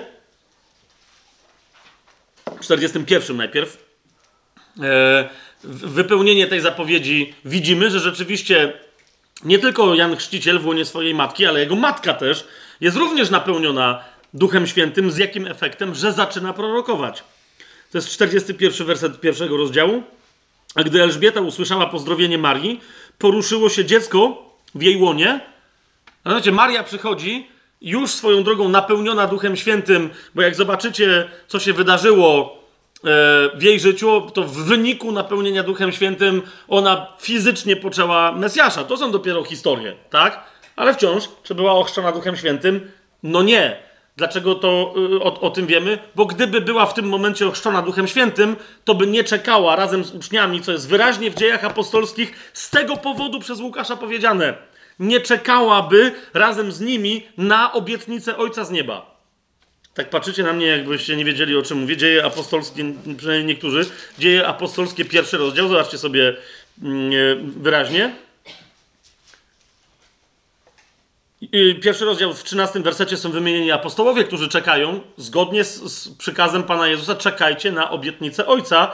Ci wszyscy, 14 werset, trwali jednomyślnie w modlitwie i prośbach razem z kobietami, z Marią, matką Jezusa i jego braćmi. Dlaczego Łukasz to tutaj podkreśla? Żeby pokazać, że ona również potrzebowała chrztu w Duchu Świętym. Ona, która dowiedziała się w pierwszym rozdziale Łukasza, w pierwszej jego książce, Oto poczniesz w swoim łonie i urodzisz syna, któremu nadasz imię Jezus. Na jej pytanie, jak to się stanie, skoro nie znam, yy, skoro nie obcowałam z mężczyzną, pierwszy rozdział Ewangelii Łukasza, 35 werset, anioł jej odpowiadał, Duch Święty zstąpi na ciebie i moc Najwyższego cię osłoni, dlatego zacieni. Dlatego też to święte, które się z ciebie narodzi, będzie nazwane Synem Bożym. Mimo tego nieprawdopodobnej interwencji aktywności Ducha Świętego w życiu tej kobiety. Ona potrzebowała Chrystusa jako Zbawiciela, potrzebowała Go wyznać jako Pana i potrzebowała być ochrzczona w Duchu Świętym. Ok? Potrzebowała być ochrzczona w Duchu Świętym. Więc ona przychodzi, Duch Święty działa tak wszakże z mocą w Marii. Wypowiada słowo pozdrowienia do Elżbiety. Elżbieta zostaje napełniona Duchem Świętym i dzieciątko w jej łonie zostanie, zostaje napełnione Duchem Świętym. Mamy wyraźnie napisane, Elżbieta została napełniona Duchem Świętym, 41 werset, i zawołała donośnym głosem, i ona tu zaczyna prorokować na temat Marii. To jest, y, to jest ewidentnie, to jest proroctwo. Skądże mi to, że matka mojego Pana przyszła do mnie? Okay? Ona nie wie, co jest grane. Ona nie wie, że, on, że ta przyszła w ciąży, tak? Bo ona przyszła zaraz, nie było po niej pewnie nawet widać. Nie zmienia to jednak faktu, że ta wie, co się dzieje, bo Duch Święty jej mówi i prorokuje. Zobaczcie dalej, 46, nie 46, tak, 46 werset. Mm, wtedy Maria powiedziała, wielbi dusza moja Pana i zaczyna prorokować w odpowiedzi, czyli Duch Święty zaczyna prorokować przez Marię w odpowiedzi na proroctwa Elżbiety na jej temat. To, że prorokuje między innymi, widzimy po jej wyznaniu, wyznaje Boga jako swojego Zbawiciela, wyznaje Go jako swojego Pana, wielbi dusza moja Pana i rozradował się mój duch w Bogu moim Zbawcy, zauważcie, i Pan, i Zbawiciel, ale między innymi wypowiada proroctwo na własny temat, mianowicie mówi o to bowiem, wszystkie pokolenia będą mnie odtąd nazywać szczęśliwą albo błogosławioną. Okay? Więc prorokuje ewidentnie yy, na swój temat. W 67 wersecie, patrzcie co się dzieje dalej u Łukasza. Przychodzi Duch Święty, zstępuje na Zachariasza. Zachariasz, jego ojciec, będąc napełniony Duchem Świętym, prorokował, już jest wprost powiedziane. Jakby ktoś nie zrozumiał, że to, co teraz Zachariasz wypowiada, to jest proroctwo, to Łukasz mówi, ej, zwróćcie uwagę, że to jest proroctwo. W Ewangelii Łukasza, w drugim rozdziale, w 25 wersecie, mamy informację o innym, starodawnym, jednym z ostatnich, ale jednak proroku Bożym, a był w Jerozolimie człowiek imieniem Symeon. Ten człowiek był sprawiedliwy i bogobojny, oczekując pociechy Izraela, a Duch Święty był nad nim. I objawił mu Bóg przez Ducha Świętego, że nie ujrzy śmierci, dopóki nie zobaczy Chrystusa Pańskiego. Rozumiecie? Chłop dostaje przez Ducha Świętego proroctwo najpierw sam dla siebie. Przyszedł on prowadzony przez Ducha Świętego do świątyni. Zobaczcie, co, co tu się wydarza. Mamy człowieka, który chodzi pod Duchem Świętym, jest prorokiem wypełnionym Duchem Świętym, Duch Święty jest nad nim i, i prowadzi, on czyni rzeczy w Duchu Świętym. A gdy rodzice wnosili dziecko Jezusa, aby postąpić yy, z nim według zwyczaju prawa, wtedy on wziąwszy go na ręce, chwalił Boga i mówił: Teraz pozwalasz odejść Twojemu słudze, panie, w pokoju, ale znowu macie Symeona, który prorokuje nad Jezusem. Wow! Jeszcze raz, czy Symeon był ochrzczony Duchem Świętym? Nie! Nie, bo jeszcze nie było pięćdziesiątnicy. Natomiast Duch Święty, kiedy przychodził do ludzi, także w Starym Testamencie, pozwalał im prorokować. E, zobaczcie, 36 werset, jest tam jeszcze inna prorokini, kobieta Anna. A była tam prorokini Anna, córka Fanuela z pokolenia Asera, która była w bardzo podeszłym wieku, a żyła 7 lat z mężem od swojego dziewictwa, była wdową mającą około 84 lat która nie opuszczała świątyni, służąc Bogu w postach i modlitwach dniem i nocą. Ona też, przyszedłszy w tej właśnie chwili, dziękowała Panu i mówiła o nim wszystkim, którzy oczekiwali odkupienia w Jerozolimie. Już nie mamy wprost powiedziane, że, yy, że, że, że, pod Duchem Świętym się to stało, ale umówmy się, yy, po pierwsze, Słowo Boże mówi wyraźnie, że była to prorokini Anna, widzicie? E, po drugie, to była prawdziwa prorokini, skoro przyszła dokładnie w tym momencie, co Symeon do świątyni, czyli dokładnie w tym momencie, kiedy przyszli obrzezywać Jezusa rodzice, zgodnie z przepisami prawa e, mojżeszowego. Więc jeszcze raz, to mógł zrobić tylko Duch Święty, tylko już Łukasz mówi, dobra, zobaczyliście model u Symeona, z Anną było to samo, chyba nie muszę się powtarzać. Czy to jest jasne, że Duch Święty tak działał wielokrotnie i działa nadal jako duch proroctwa, ale fakt, że tak działał również w czasie w dniu pięćdziesiątnicy i u wszystkich, którzy są chrzczeni Duchem Świętym, czy możemy śmiało zaznaczyć, że skoro chrzest Duchem Świętym miał być czymś innym, to prorokowanie w takim razie nie należy, nie jest kwintesencją chrztu w Duchu Świętym? Jasne. Idźmy dalej. Moc uzdrawiania i wypędzania demonów. Niektórzy mówią, że po to się Ducha Świętego przyjmuje. I to akcentują. Przyjmij chrzest w Duchu Świętym i dopiero od tej pory możesz... I niektórzy mówią, ale po co mi? Ja nie przyjmowałem żadnego chrztu w Duchu Świętym, a też u nas jest pastor, który wypędza złe duchy i tak dalej, i tak. Ponieważ pastor może mieć Ducha Świętego, jest bogobojnym człowiekiem, oddał życie Jezusowi, jest usprawiedliwiony w duchu, jest ochrzczony w wodzie i tak. Pan Jezus sam to robił i przekazał tę moc uczniom, zanim przyszedł dzień pięćdziesiątnicy. Ok? Otwórzmy sobie Ewangelię Mateusza, dziesiąty rozdział. Tylko parę fragmentów wam pokażę, które pewne rzeczy wyłuskają. Zobaczcie, uzdrawianie i wypędzanie złych duchów są związane z imieniem Jezus, z wiernością Jezusowi, ale nie są wynikiem chrztu w Duchu Świętym. Dziesiąty, yy, dziesiąty rozdział, pierwszy werset. Przywoławszy swoich dwunastu uczniów, to jest Mateusz 10.1, przywoławszy swoich dwunastu uczniów, dał im moc nad duchami nieczystymi, aby je wypędzali i uzdrawiali wszystkie choroby i wszelkie słabości. Jasne? Czy oni byli ochrzczeni Duchu w Duchu Świętym wtedy, kiedy Pan Jezus im to dał? Nie, ponieważ by im nie kazał czekać na chrzest w Duchu Świętym jako na coś innego, bo tę moc mieli. Pytam się, czy kiedyś Pan Jezus im ją odebrał? No właśnie, nigdy im nie odbierał, prawda? Dał im, jak mówi stare przysłowie, kto daje i odbiera, ten się w piekle poniewiera, a to na pewno nie jest Pan Jezus, tak? Pamiętacie, co list do Rzymian mówi, że dary łaski są nieodwołalne. Jak Bóg daje, to daje i nie zabiera następnie, bo nie jest tym, co się poniewiera w piekle. W Ewangelii Marka w trzecim rozdziale, y, w wersetach 14-15, y, wręcz y, w pewnym sensie widać, że jakby tekst jakby sugerował, że wręcz po to dwunastu Pan Jezus ustanowił. Zauważcie, Marek mówi tak. I ustanowił dwunastu, aby z nim byli, aby ich wysłać na głoszenie i aby mieli moc uzdrawiania chorób i wypędzania demonów. Dlatego to jest dosyć interesujące. Zauważcie, jak e, Judasz się zabija, popełnia samobójstwo. Apostołowie, nie czekając na Ducha Świętego, uzupełniają jedno miejsce. Pamiętacie to? E, rzucają losy. E, los pada na Macieja. I oni wyraźnie, tam wyraźnie Piotr mówi, że muszą uzupełnić dwunastu, bo, bo Pan Jezus ustanowił dwunastu. Tych pierwszych musi być dwunastu.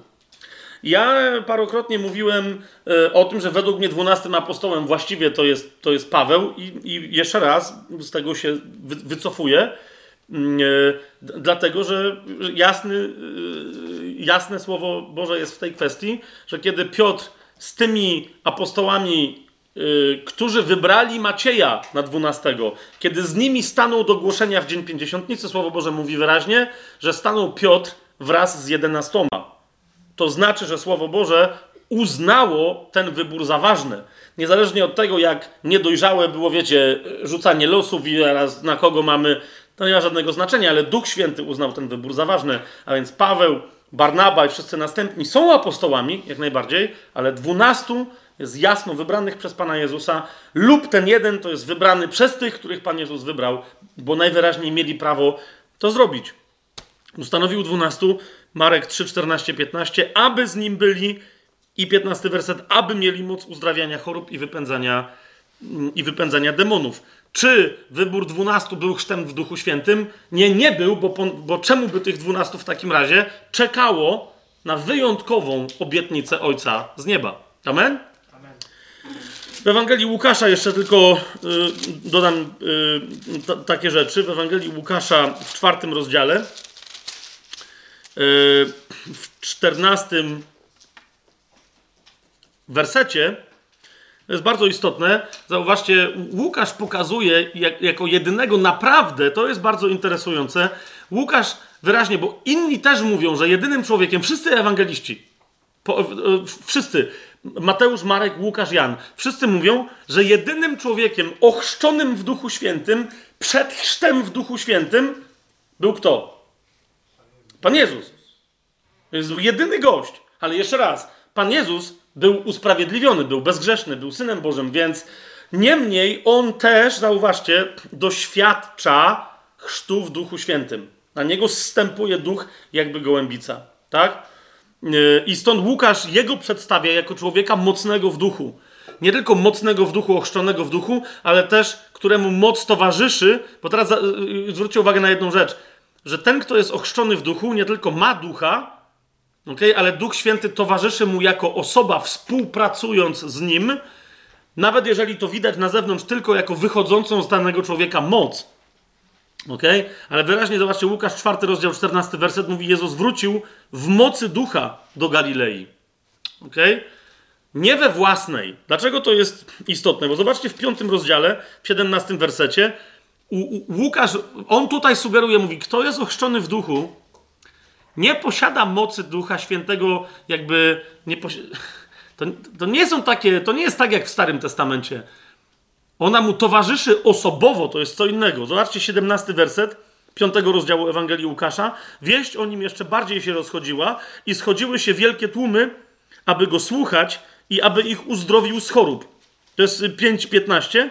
A on odchodził na pustynię i modlił się. I teraz 17 werset. Pewnego dnia, gdy nauczał, siedzieli tam też faryzeusze i nauczyciele prawa, którzy się zeszli ze wszystkich miasteczek Galilei, Judei i Jerozolimy, a moc Pana była obecna, aby ich uzdrawiać. Widzicie to? Jest Jezus i jest Duch Święty.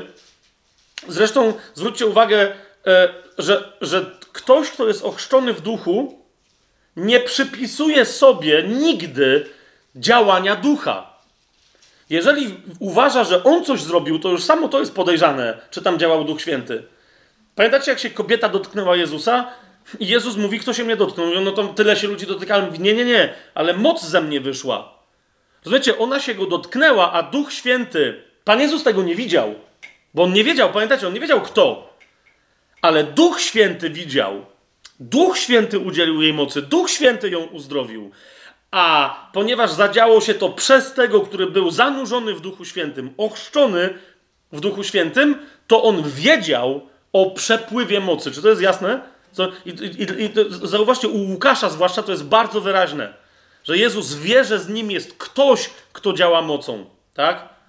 Jezus wyraźnie o tym mówi: Moc ze mnie wyszła. Nie, że moja moc, tylko moc ze mnie wyszła i przeszła gdzieś na kogoś. Ktoś dostał moc. Moc, jak widzicie w 17 wersecie, tutaj moc Pana była obecna, tak jak Jezus był obecny i działała. Tak? Bo, bo to właśnie na tym polega obecność Ducha Świętego. Zobaczcie w szóstym rozdziale, yy, w 19 wersecie. U, u, u Łukasza, który jest świadom chrztu w Duchu Świętym i potem w dziejach o tym chrzcie pisze, już w dziejach, yy, już w Ewangelii jego widać, jak on wie, co się dzieje. Tak? Zobaczcie, szósty rozdział, 19 werset. Wszyscy ludzie starali się go dotknąć, ponieważ moc wychodziła z niego i uzdrawiała wszystkich. Widzicie to?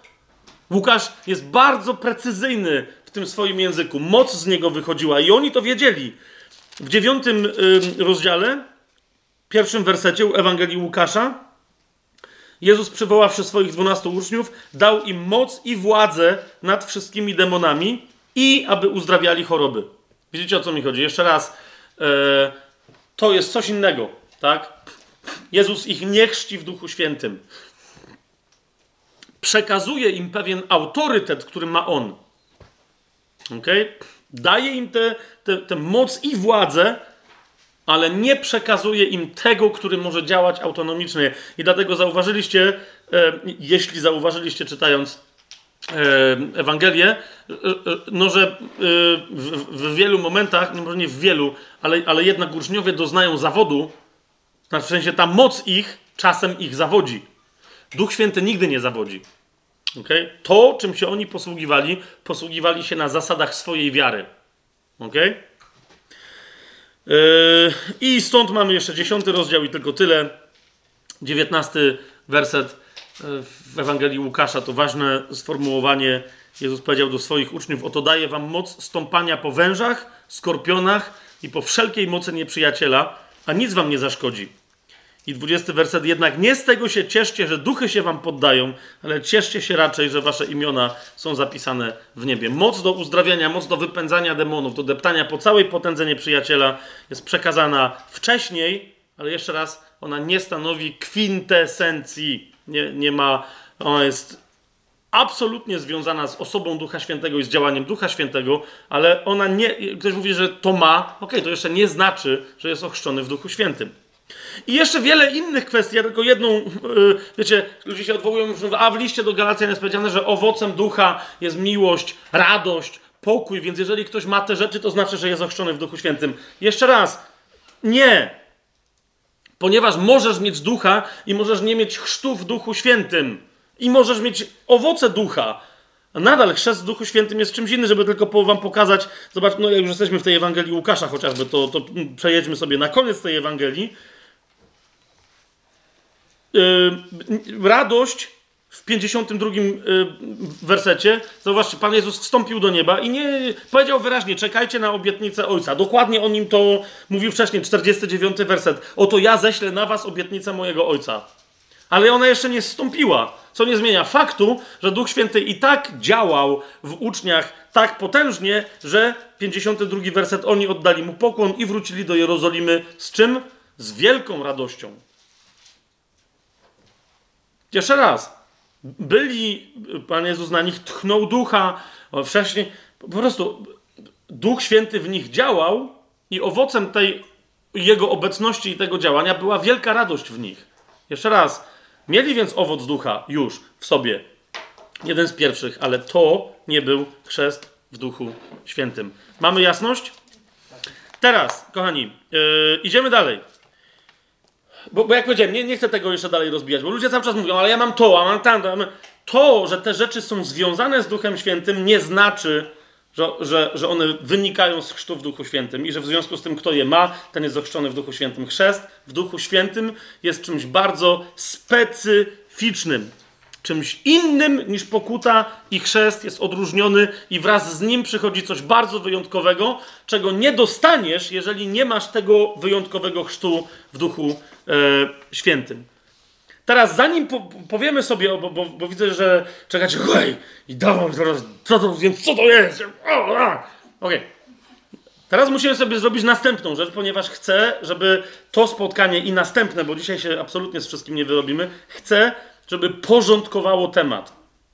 Zarówno ludziom, którzy mają wątpliwość co do chrztu w Duchu Świętym, jak i tym, którzy uważają, że mają pewność, a potem y, robią jakieś rzeczy w praktyce wiary, które nie mają nic wspólnego z, z, chrztem w Duchu Świętym. Otóż musimy sobie wyraźnie pokazać w Biblii i, i, i zaznaczyć, y, mieć jasność i pewność co do tego, że chrzest w Duchu Świętym jest czymś innym, jest osobnym aktem, osobnym przeżyciem i osobnym doświadczeniem. Otóż, kochani, na przykład niektórzy mówią, no ale skąd wiesz, że nie ma chrztu w Duchu Świętym w chrzcie wodnym? To jest jedna prosta rzecz. To jest jedna prosta rzecz. Chrzest to jest twój i mój akt. Kościół może się zebrać i ktoś wobec kościoła, wobec ludzi także spoza kościoła, przyjmuje chrzest. Okay? Daje się ochrzcić, tak jak Paweł mówi, Piotr mówi, dajcie się ochrzcić w imię Jezusa Chrystusa na odpuszczenie grzechów. Ktoś się daje ochrzcić, jest chrzczony. Okay? Jest chrzczony w imieniu Jezusa Chrystusa, ale mam do Was pytanie, czy bierze udział w tym chrzcie, czy chrzczącym aktywnie jest Pan Jezus? Nie ma nic podstępnego w tym pytaniu. Przecież wszyscy przeszli, nie wiem czy wszyscy tutaj, ale, ale no prawie wszyscy przeszliście przez chrzest. Czy was chrzcił Jezus? Pojawił się fizycznie i was chrzcił? Nie. My jesteśmy wchrzczeni, zanurzeni w Niego, w Jego śmierci, w Jego zmartwychwstanie, ale On nas nie chrzcił, zgadza się? Dlaczego o tym mówię? Ponieważ yy, jednym z, yy, z ważnych aspektów i kryteriów rozpoznania, że coś jest chrztem w Duchu Świętym, jest, że chrzcić w Duchu Świętym może tylko Jezus. Nikt inny, tylko Jezus. I to chcę, żebyście zapamiętali. Czasem ludzie mówią, dzisiaj będziemy was chrzcić w Duchu Świętym na jakichś tam modlitwach, tak? Ja roz... I teraz no, ja nie chcę się czepiać, bo ja rozumiem, że sam nawet dzisiaj w rozmowie z, z moją żoną tak powiedziałem, że, że, że będzie spotkanie i będziemy chrzcić w Duchu. Można, niepotrzebne są takie skróty myślowe, można tak skrócić, ale czasem ktoś może pomyśleć, a niektórzy myślę, że tak praktykują nawet, że to oni się modlą dla kogoś o chrzest w Duchu Świętym. I że to oni go są w stanie sprokurować w, w drugim człowieku. Więc jeszcze raz, pierwsza bardzo istotna rzecz. Upamiętanie, usprawiedliwienie jest wynikiem głoszenia. Tak? Ponieważ wiara jest wynikiem czego? Słuchania. Słuchania czego? Słowa Bożego. List do Rzymian o tym mówi bardzo wyraźnie, tak? A więc tu, tu, Duch Święty działa, przyprowadza człowieka do upamiętania w tym akcie, ale tym, który głosi, jest jakiś człowiek. Tak? Może też być pismo święte samo w sobie i tak dalej, ale jest jakiś, tam nie ma, jest głoszony Jezus, tak? Ale to nie on głosi komuś. Prowadzi i Duch Święty pracuje w tym dziele, prowadząc kogoś do upamiętania. W chrztu, y, w chrzcie wodnym jesteśmy wchrzczeni w Jezusa. Ale znowu, to nie Jezus. Chrzest w Duchu Świętym różni się od tych aspektów, o których tu dzisiaj mówiliśmy, różnych momentów działania Bożego w nas. Najpierw tym, że jest wyraźnie zapowiedziany jako akt należny tylko i wyłącznie, uwaga, teraz dodam jeszcze jedną rzecz, tronującemu w niebie Chrystusowi, czyli zasiadającemu na tronie. Jezus nie mógł chrzcić w Duchu Świętym, znaczy może mógł, nie, nie wiem tego, ale nie chciał tego robić, bo nie tak to było zapowiedziane, dopóki nie poszedł do nieba. Zobaczcie, Ewangelia Mateusza. Niektórzy też są jacyś tacy zszokowani, że a, bo to jest koncepcja tam jakiegoś jednego ewangelisty. Nie! To jest koncepcja, która nawet u takiego ewangelisty jak Marek jest, jest koncepcją absolutnie fundamentalną. Zresztą zwłaszcza u Marka to widać, jak to jest fundamentalna rzecz. Każdy ewangelista, Mateusz, Marek, Łukasz i Jan mówi o tym, że będzie, przyjdzie czas chrztu w Duchu Świętym i mówi, że tym, który będzie chrzcicielem w Duchu Świętym będzie Jezus i tylko i wyłącznie On. Zobaczcie Ewangelię Mateusza, trzeci rozdział. Wersety 11 i 12. Jan Chrzciciel mówi wyraźnie, już widzicie, już on wprowadza rozróżnienie między chrztem wodnym, a chrztem, oczywiście to był chrzest w imieniu Jana, czy też chrzest Janowy, a nie chrzest Jezusowy. No ale dobra, zostawmy to na razie. W Ewangelii Mateusza on, on wyraźnie odróżnia także siebie w tym akcie, kto co może robić. To jest y, Mateusz 3, 11, 12. Ja was chrzczę wodą ku pokucie. Widzicie, tu jest też pokuta. My o pokucie i odróżnieniu pokuty chrześcijańskiej od pokuty janowej też jeszcze będziemy mówić przy okazji listu do Rzymian. Ale na razie tu. Ja was chrzczę wodą ku pokucie, ten zaś, który idzie za mną, jest mocniejszy ode mnie. Nie jestem godny nosić mu obuwia. On będzie was chrzcił duchem świętym i ogniem. Ma swoje wyjadło w ręku i wyczyści swoje klepisko. I zgromadzi swoją pszenicę do spichlerza, a plewy spali w ogniu nieugaszonym. Pamiętacie, jak mówiliśmy ostatnio o Dniu Pięćdziesiątnicy, jakie wtedy są składane plony z, z pierwocin czego? Pszenicy. Teraz niektórzy opowiadają też jakieś takie historie, że wraz z chrztem w Duchu Świętym, cokolwiek by to nie było, że automatycznie przychodzi jakiś chrzest w ogniu. I że na przykład zachowania dziwne, wiesz, wiecie, krzyczenie, jakieś transy i tak dalej, że to jest ogień Ducha Świętego, że przychodzi Pan Jezus i chrzci ludzi Duchem Świętym i ogniem. Chrzest Duchem Świętym powoduje, ok, zwróćcie uwagę, wyraźnie Jan Chrzciciel o tym mówi, wiele innych miejsc w Piśmie. Chrzest Duchem Świętym powoduje, że z pszenicy spadają łuski i oddziela się całe to, to wszystko, co nie jest ziarnem, od ziarna. To jest chrzest Duchem Świętym. Zaraz będziemy o tym więcej mówić. Chrzest ogniem przychodzi wtedy, kiedy trzeba skończyć z tym, co nie jest ziarnem. Zauważcie jeszcze raz. On będzie was chrzcić Duchem Świętym i ogniem. Jak? Dwa. Ma swoje wiejadło w ręku i wyczyści swoje klepisko zgromadzi swoją pszenicę do spichlerza, a plewy spali w ogniu nieugaszonym. Widzicie o co chodzi? Chrzest Duchem Świętym to, to jest jedno. Chrzest, on jest nam potrzebny, między nie, nie, nie, nie, kluczowo, ale to jest coś innego niż chrzest ogniem. Inna rzecz, że my również będziemy chrzczeni ogniem, yy, który nas nie spali, po to nam między innymi jest potrzebny Duch Święty. Będziemy chrzczeni ogniem, który nas nie spali, ale będziemy chrzczeni, będziemy zanurzeni w ogniu. Nie będziemy dzisiaj tego rozważać, ale widzę yy, yy, na przykład yy, Joli pytające spojrzenie, więc dlatego y, bardzo, bardzo poważnie, głęboko myślącej tam siostro, oczywiście. Pierwszy do Koryntian trzeci rozdział. Y, odwołuje się na przykład do tego fragmentu, nie tylko do tego, ale y, niech będzie. Trzeci, pierwszy do Koryntian, trzeci rozdział, trzynasty werset. Dzieło każdego będzie jawne. Dzień bowiem to pokaże, gdyż przez ogień. Co się stało? Pierwszy do Koryntian 3, 13. Dzieło każdego będzie jawne, dzień ten bowiem to pokaże, gdyż przez ogień zostanie objawione i ogień wypróbuje, jakie jest dzieło każdego. Teraz tutaj chodzi o sprawdzenie dzieł tych ludzi, którzy są zbawieni, którzy mieli założony w sobie fundament Jezusa, o czym mówi jedenasty werset. Tak? A więc oni nie będą zniszczeni przez ten ogień, ale dzieło ich, a więc to, y, jak wyglądało ich życie, cała droga uświęcenia, jakie owoce przynieśli, to zostanie wypróbowane. I dalej Paweł mówi: Jeżeli czyjeś dzieło budowane na tym fundamencie przetrwa, ten otrzyma zapłatę. Widzicie o co chodzi? Zbawienie jest, jest, jest dane za darmo, z łaski ale następnie e, jaką kto dostanie zapłatę, no to taką, jakie będzie jego dzieło. Teraz, czy, czy, czy, czy wierzący z założonym fundamentem będzie potępiony? No sami sobie odpowiedzcie, 15 werset. Jeżeli czyjeś dzieło spłonie, ten poniesie szkodę. On sam będzie zbawiony, tak jednak, jakby przez ogień. Jasne? Nie może ten ogień spalić bowiem w człowieku czego? Fundamentu, na którym się buduje. Ok? Jedenasty werset mówi, mówi wyraźnie: Nikt bowiem nie może położyć innego fundamentu niż ten, który jest położony, a którym jest Jezus Chrystus. Ten, który będzie badać Twoje dzieło ogniem, przecież nie może sam siebie spalić, bo jest fundamentem ognioodpornym na własny ogień. Proste. Niektórzy zresztą pokazują, jest bardzo interesujące, pokazując ideę tej, tej tu koncepcji, mówią, że ogień, obczajcie to, to mi się bardzo podoba, będzie pochodzić skąd?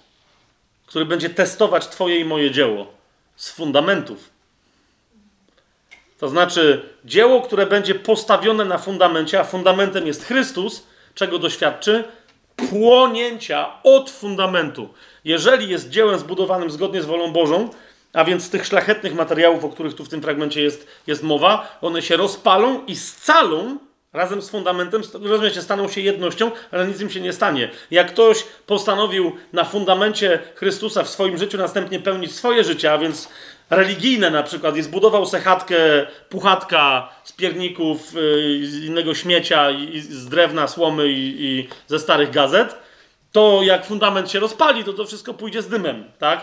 Czy fundament się spali? No nie, zostanie. Natomiast ten, kto budował, okaże się, jak potem Księga Objawienia też okaże się, że jest goły, tak? Bo ten, ta, ta budowla to jest też szata, w której człowiek yy, chodzi. Więc jeszcze raz, chrzest w Duchu Świętym Jan mówi, będzie, będą chrzczeni Duchem Świętym i ogniem, ale jednocześnie wyraźnie mówi yy, sam w, swojej tej, w, swoim proroctwie od, oddziela według mnie wyraźnie chrzest Duchem Świętym od chrztu ogniem, ponieważ wyraźnie mówi, że, że, że ogień jest zachowany na czas wiejadła. Wszyscy wiedzą, co to jest wiejadło? To jest, jak się, wiecie, zebrało pszenicę i potem się, żeby ją oczyścić, yy, przesypywało. Ja nie wiem dokładnie, jak to wyglądało, ktoś mi to tłumaczył gdzieś w jakimś skansenie na jakiejś wsi. I więc sypało się to i teraz wiejadło to było coś, co powodowało taki, że tak powiem, sztuczny wiatr lokalny, tak? I teraz chodzi o to, że jak spadało ziarno, to, to ziarno, wiecie, nie, pod wpływem te, tego, tego strumienia powietrza dalej spadało, nic mu to nie robiło, ale plewy y, odpadały od tego ziarna pod wpływem powietrza i w ten sposób było jasne, że potem ktoś mógł taką pszenicę dać do mielenia, no bo tam już, y, wiecie, ziarno się umieli, plewy się nie umielą i potem zostają, tak? Więc to jest, to, to rozumiem, że to nie, niezależnie od tego, jaka tam była koncepcja w, starożytnym Izraelu, to to chodzi, wiecie, o jakie to było rozwiązanie techniczne, chodzi o zasadę, żeby przewiać w taki czy inny sposób. Ktoś mi też mówił, że, że w biedniejszych rejonach, także kiedyś w Polsce, że w zasadzie nie było wiejadeł, tylko na przykład, że, że się czekało z takim zbożem e, na, po, po, po że się czekało na bardziej wieczny dzień i po prostu ludzie to jakoś podrzucali. Jeszcze raz, ja się nie znam na, nie chcę się teraz wygłupiać, Wie, wiecie, chodzi zasadniczo o to, że wiatr zauważcie, wiatr, tak, powietrze, że ma przewiać i oddzielić plewy od, od ziarna. Widzicie to? Duch Święty, tak? On będzie chrzcić Duchem Świętym i ogniem, a więc Duch Święty oddziela plewy od ziarna. Natomiast ogień to jest, to jest coś innego, to jest coś, co ostatecznie, w czym ostatecznie plewy e, zginą, a Boże dzieło, e, Boże dzieło absolutnie wytrwa. W Ewangelii Marka w pierwszym rozdziale bo niektórzy mówią, że tak, no, no Mateusz tam miał takie. No właśnie, Marek, który, jak wiecie, ma Ewangelię sensacyjną, jest thriller, i on od razu przechodzi do rzeczy. Marek e, zaraz w pierwszym rozdziale od razu mówi, że, e, że się pojawił Jan, chrzciciel, i jak mówi, że się pojawił Jan, e, to, to jaką wkłada od razu wiadomość i przekaz w jego usta? Siódmy werset tak? Jest w szóstym, że Jan się ubierał w sierść i tak dalej. I co głosił? We wszystkich innych Ewangeliach Jan coś tam głosi, zanim przechodzi do tego tematu. U Marka przechodzi do tego, co Marek uważał za najważniejszy temat. Mianowicie i głosił, idzie za mną mocniejszy ode mnie, któremu nie jestem godny, schyliwszy się, rozwiązać rzemyka u jego obuwia. Ja chrzciłem was wodą, ale on będzie was chrzcić duchem świętym. Widzicie to? Marek, który, który zostawia to, co najistotniejsze, zauważcie, dla niego nie jest istotny ogień, ponieważ wie, że chrzest ogniem to jest coś innego niż chrzest w Duchu Świętym. On was będzie chrzcić Duchem Świętym, będzie was zanurzać w Duchu Świętym. W Ewangelii Łukasza sobie otworzymy. E, no, chłopak, który, wiecie, wie, co jest grane, tak? Wie, co jest grane. W Ewangelii Łukasza w trzecim rozdziale. Nawiasem mówiąc, e, zwróćcie uwagę, e, bo niektórzy mówią, że no, Jan, to nie jest dobre porównanie. Jan świetnie wiedział, jeżeli ktoś w Biblii wiedział, czym jest pokuta, przebaczenie grzechów i tak dalej, to Jan to świetnie wiedział. Ok? My, żeby zrozumieć, czym jest pokuta i przebaczenie grzechów w chrześcijaństwie, myślę, że niektórym dobrze byłoby, żeby zrozumieli, jak rozumiał pokutę i przebaczenie grzechów Jan Chrzciciel, bo mam wrażenie, że bardzo często w chrześcijaństwie ludzie nadal głoszą Ewangelię Janową, a nie Jezusową. Ok? Marcin się na mnie przygląda znowu. Y, w Ewangelii Łukasza w trzecim rozdziale, w trzecim wersecie, nie, nie to chciałem cytować, tylko szesnasty chciałem, ale niech będzie w trzecim wersecie, jest powiedziane o Janie Chrzcicielu, że obchodził całą okolicę nad Jordanem, głosząc chrzest pokuty na przebaczenie grzechów. Widzicie to? Jan wiedział, co to jest pokuta i wiedział, co to jest, e, co to jest przebaczenie grzechów. Ale one w Chrystusie, pokuta i przebaczenie grzechów, wyglądają inaczej niż to rozumiał Jan. Ok? Zwróćcie uwagę. Tylko tak. Okej. Okay. Okej, okay, widzę, rozumiem. Zobaczcie, że u Jana Chrzciciela pokuta jest pewnym finałem i przebaczenie grzechów. Chrzest u Jana Chrzciciela jest wynikiem rozprawienia się po ludzku ze swoimi grzechami. Tak? Ludzie, którzy się rozprawili, powiedzieli, byłem grzeszny w tym, w tym, w tym, w tym, w tym, pozałatwiali wszystkie rzeczy, przychodzili i mówili, dobra, skończyłem już z wszystkimi grzechami. Czy możesz mi to przyklepać? I Jan Chrzciciel ich chrzcił. Ale pamiętacie, jak przychodzili faryzeusze, żołnierze co, i on im mówił, co najpierw mają zrobić? Tak? Mają się rozprawić oni sami ze swoim własnym grzechem. Zauważcie, w chrześcijaństwie chrzest nie jest finałem, do którego zmierzamy, tylko jest otwarciem, które wszystko rozpoczyna. Niektórzy przeżywają chrzest, jakby, wiecie, docierają do chrztu i okej, okay, no to teraz już tylko Pan Jezus niech wróci. To nie jest koniec, to nie jest meta. Człowieku, to jest start. To jest dokładnie, ktoś strzelił i lecisz. Do mety masz dobiec. Ale okej, okay, w Ewangelii Łukasza w trzecim rozdziale, w szesnastym i siedemnastym wersecie, ten specjalista Jan Chrzciciel od pokuty starotestamentowej i przebaczenia grzechów powiada tak. Yy, Łukasz 3, 16, 17. Ja was chrzczę wodą, lecz idzie mocniejszy ode mnie, któremu nie jestem godny rozwiązać rzemyka u jego sandałów. On będzie was chrzcił duchem świętym i ogniem.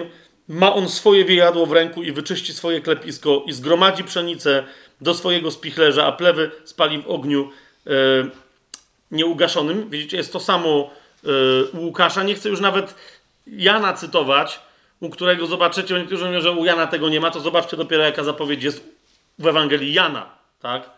Kiedy Jan Chrzciciel tam dodaje, w sensie Jan, który bezpośrednio słyszał, co Jan Chrzciciel mówił, bo jest tam na miejscu, podaje jeszcze więcej szczegółów w jakiej konkretnej sytuacji Jan powiedział, chrzciciel w Ewangelii Janowej, że Jezus będzie chrzcić Duchem Świętym.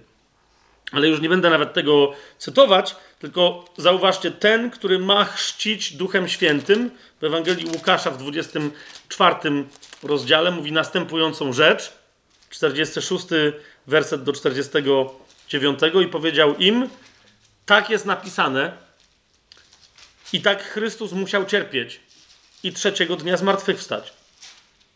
I w Jego imieniu ma być głoszona pokuta i przebaczenie grzechów wszystkim narodom, począwszy od Jerozolimy. To jest nowy rodzaj pokuty, ostateczny, nowy rodzaj przebaczenia grzechów, ostateczny rodzaj przebaczenia grzechów w imieniu Jezusa, nie na sposób Janowy. Dlatego Łukasz o tej pokucie i przebaczeniu grzechów mówi też na początku, że Jan się na tym też znał, ale u Jezusa to, ma, to wygląda zupełnie inaczej. I teraz mówi, to ma się dziać. Śmierć, zmartwychwstanie Mesjasza, a następnie głoszenie pokuty i przebaczenia grzechów w Jego imieniu wszystkim narodom. I teraz bardzo istotna rzecz. Pan Jezus mówi, a wy jesteście tego świadkami. 49 werset. W tym kontekście, a oto ja, zauważcie, to jest cały czas jeden ciąg, a wy jesteście tego świadkami, a ja ześlę na was obietnicę mojego ojca, a wy zostaniecie w mieście Jerozolimie, aż będziecie przyobleczeni mocą z wysoka. Jest zupełnie nowa rzecz. To nie jest ta moc, którą już wam dałem, przebaczania grzechów, wypędzania demonów, uzdrawiania chorych. To będzie coś zupełnie nowego. W jakim celu? W tym, o którym właśnie teraz wam mówię. To jest następne dzieło. Ok? To jest następne, yy, to jest następne dzieło. W pierwszym rozdziale dziejów apostolskich.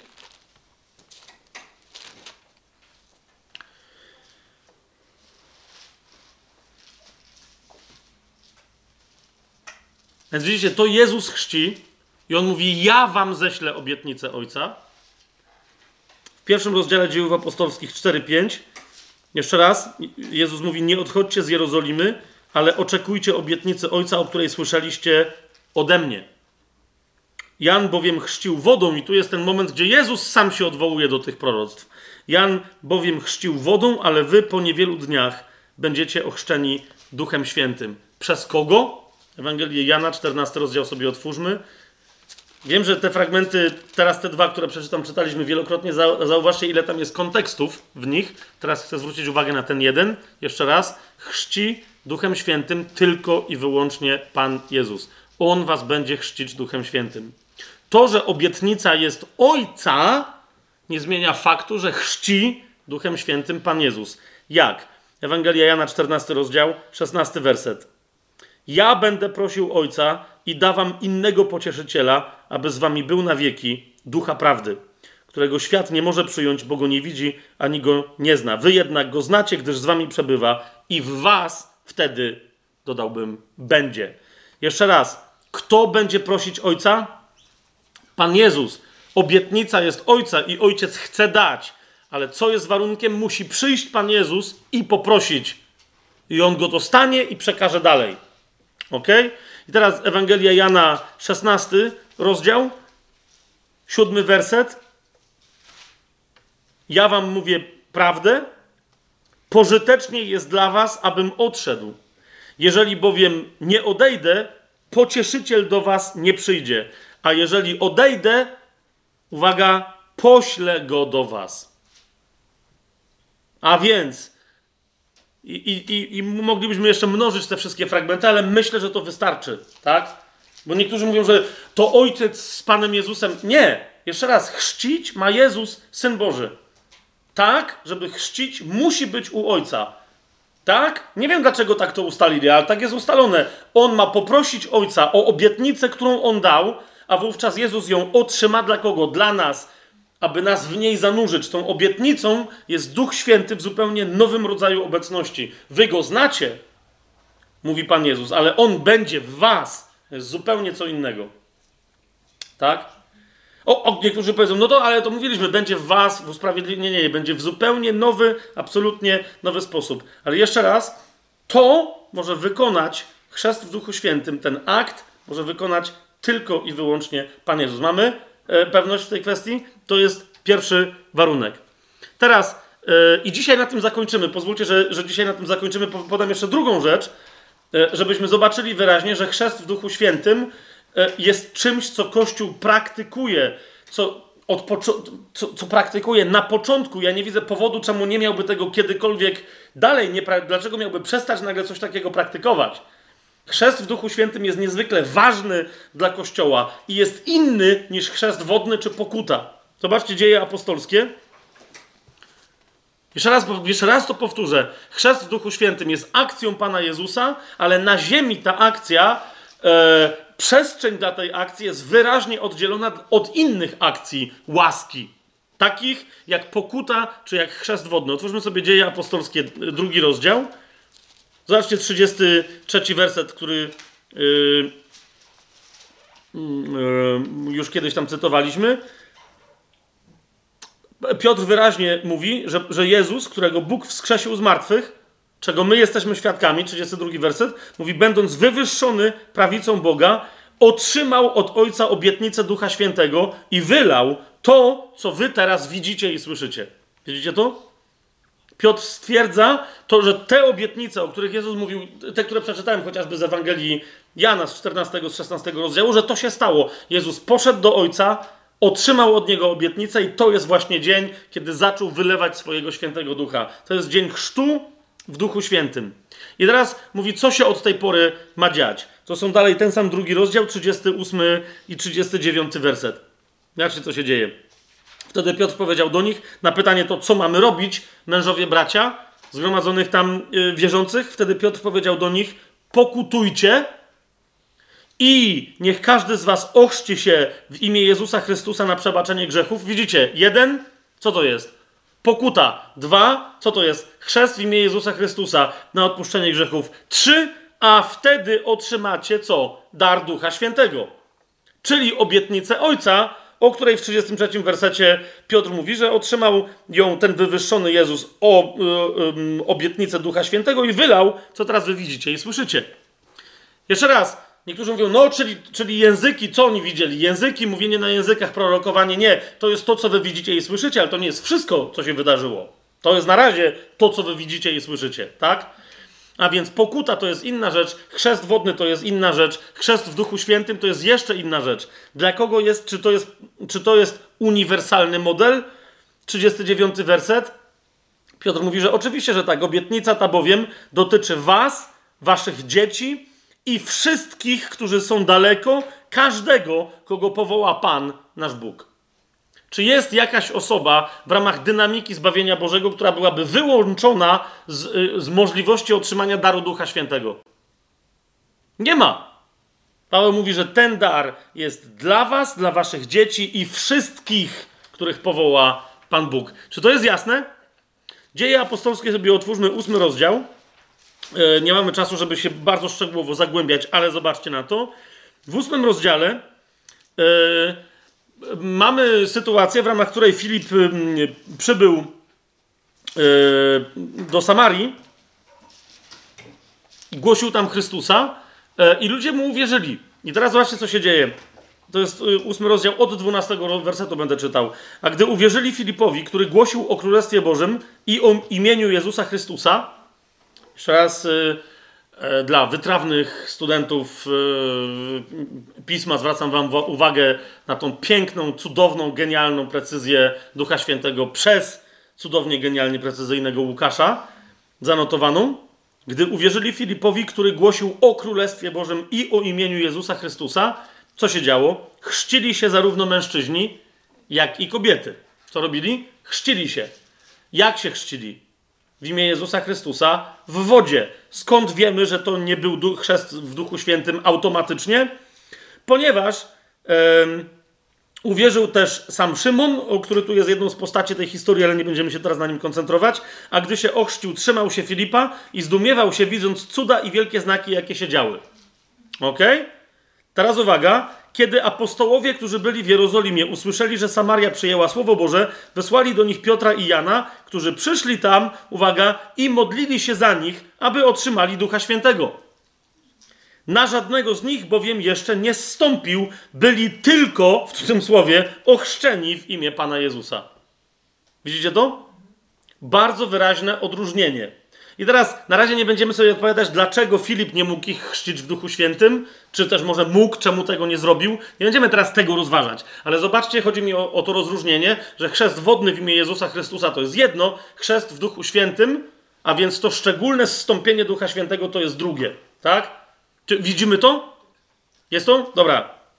Dalej, dla całkowitej pewności, dziewiąty rozdział dziejów apostolskich. Ktoś mi ostatnio zadał pytanie w rozmowie, że gdyby chrzest wodny był taki ważny, to by było, to na przykład Paweł by się ochrzcił. ja myślę, no, no, super, że tak mówisz, ale skąd ci przyszło głowy, że się nie ochrzcił? Między innymi ten fragment e, temu bratu, z którym rozmawiałem, przywołałem. On się zdziwił, mówi, że przecież zna Pismo Święte od lat, od deski do deski i nigdy nie zwrócił na to uwagi. I nie tylko, że to swoją drogą właśnie z tych protestantów, którzy Uważają, że wiara, że wszystko, że, że musi być absolutnie oderwana od jakiejkolwiek materii, więc on się nie chrzcił. Nie dość, że się ochrzcił w wodzie, to jeszcze się przekonał w ramach tego jednego incydentu, e, w cudzysłowie, mm, z, z nawracającym się szawłem, również e, zawołał do Boga o w Duchu Świętym i został ochrzczony w, w Duchu Świętym. Tak? Otóż e, zauważcie 17-18 werset. Zwróćcie uwagę, co się tu dzieje. Ananiasz, który się opiera, żeby przyjść i usłużyć Szawłowi, Jezus mu mówi, idźże. Pokazałem mu, jak wiele będzie musiał cierpieć. I Ananiasz mówi, no to dobra, to jak tak, to idę. I teraz patrzcie, co się dzieje. Wtedy Ananiasz poszedł. Pamiętacie, bo już Szaweł jest ślepy e, po tym spotkaniu z Jezusem pod Damaszkiem. E, nie je, nie pije, nie wie, co jest grane, modli się. I wtedy przy, e, przychodzi do niego Ananiasz i mówi, i takie rzeczy się dzieją. 17 18 werset. Wtedy Ananiasz poszedł, wszedł do domu, położył na nim ręce i powiedział, zauważcie, No właśnie, on go nie chrzci. Z pewnego powodu, to ja nie będę teraz tego rozważał, dlaczego czasem chrzest w Duchu Świętym wyprzedza chrzest wodny. Ale zobaczcie, położył na nim ręce i powiedział: Szawle, bracie, Pan mnie posłał. Jezus, który ci się ukazał w drodze, którą jechałeś, żebyś odzyskał wzrok i został napełniony Duchem Świętym. Co to jest? Chrzest Duchem Świętym. Ok? Położył na niego ręce, tak jak apostołowie, więc tak jak potem sam robił, kładł ręce na ludzi i, i, i byli chrzczeni Duchem Świętym. I został uzdrowiony jednocześnie z, z, tej ślepoty. I natychmiast spadł z jego oczu, jakby łuski, i zaraz przejrzał, a wtedy wstał i został ochrzczony w wodzie. E, ten raz, z którym rozmawiałem, bardzo dobrze znający pismo i również język grecki, po prostu przeczytał to parę razy w języku greckim i tak jak wam powiedziałem, powiedział: OK, muszę się ochrzcić. Nigdy tego nie widziałem. Czytałem to i nigdy tego tak nie widziałem. Po prostu. Na czym innym się koncentrowałem e, w tej historii. Jeszcze raz, chrzest w Duchu Świętym jest oddzielony od chrztu wodnego. Dzieje apostolskie, 10 rozdział, e, w 44 wersecie. Tam jest opisane e, przybycie Piotra do domu Korneliusza, do Pogan, który nie bardzo wie, czy w ogóle ma, co ma robić, no ale głosi im słowo, bo, bo wyraźnie Bóg go tam y, przywołał. I mamy taki komentarz, gdy jeszcze Piotr mówił te słowa, Duch Święty zstąpił na wszystkich słuchających tej mowy. To tak a propos y, komentarz mój na boku, bo ktoś mnie zapytał, czy Duch Święty może zstępować yy, jakoś inaczej, czy tylko przez modlitwę z nałożeniem rąk. Bo mówi, na początku Duch Święty stąpił, no bo nie miał kto nakładać rąk na apostołów, ale potem mówi, według mnie Duch Święty może stępować tylko przez nałożenie rąk. Powiedziałem mu, że no nie. Y, dom Korneliusza jest jednym z takich przykładów. Są sytuacje, w których Duch Święty stępuje bez kogokolwiek, kto by nakładał, yy, nakładał ręce. Znowu, to nie jest jedyny tego rodzaju przykład, ale on jest dosyć mocny, tak? Że Piotr jeszcze mówił, a Duch Święty stąpił na tych wszystkich ludzi. Skąd wiemy, że to był chrzest w Duchu Świętym? I zdziwili się ci wierzący, 45 werset, i zdziwili się ci wierzący pochodzący z obrzezania, którzy przyszli z Piotrem, uwaga, że dar Ducha Świętego został wylany także na pogan. Słyszeli ich bowiem mówiących językami i wielbiących Boga. Wtedy Piotr się odezwał, czy ktoś może odmówić wody, żeby byli ochrzczeni ci, którzy otrzymali Ducha Świętego, jak i my. Widzicie? Jeszcze raz, chrzest w Duchu Świętym jest czymś innym niż chrzest wodny. Piotr mówi: Ci ludzie są ochrzczeni w duchu. I Bogu dzięki, ponieważ to jest dla mnie dowód, że skoro Bóg, Pan Jezus, uznał, że są warci, żeby ich ochrzcić duchem, to co ja im mam odmawiać? Wody, która jest zanurzeniem w Jezusa, który właśnie ochrzcił ich duchem świętym. Jasne? I ostatni, yy, ostatni absolutnie fragment taki klasyczny z samych tylko dziejów apostolskich, bo my, wiecie, cały temat Ducha Świętego de facto nam się podnosi, aby zrozumieć Ducha Świętego. Tak? Więc my jesteśmy cały czas de facto w komentarzu do dziejów apostolskich. Cały czas. Yy, I mam nadzieję, że, do, że tych 12 spotkań to będzie wystarczające, żeby skończyć dzieje apostolskie wprowadzenie do dziejów apostolskich. Ok, w, w dziejach apostolskich w XIX rozdziale mamy taką historię, e, mm, że, że, Paweł w pewnym momencie, widzicie, jak jest gdzieś tam, pamiętajcie o tym, jak jest, jest powiedziane, że Paweł przez jakiś czas przebywał w Efezie, to musicie zrozumieć, że, że, że to był apostoł, a apostoł ma wbudowany, nie powiem w jaką część ciała, bardzo poważny motorek. Okej? Okay? I to, że on akurat przebywał w Efezie, to zauważcie, co to, co to oznacza. Rozdział 19, pierwszy werset. Paweł obszedł okolice wyżej położone i dotarł do Efezu. I tam znalazł jakiś uczniów. Paweł cały czas łaził.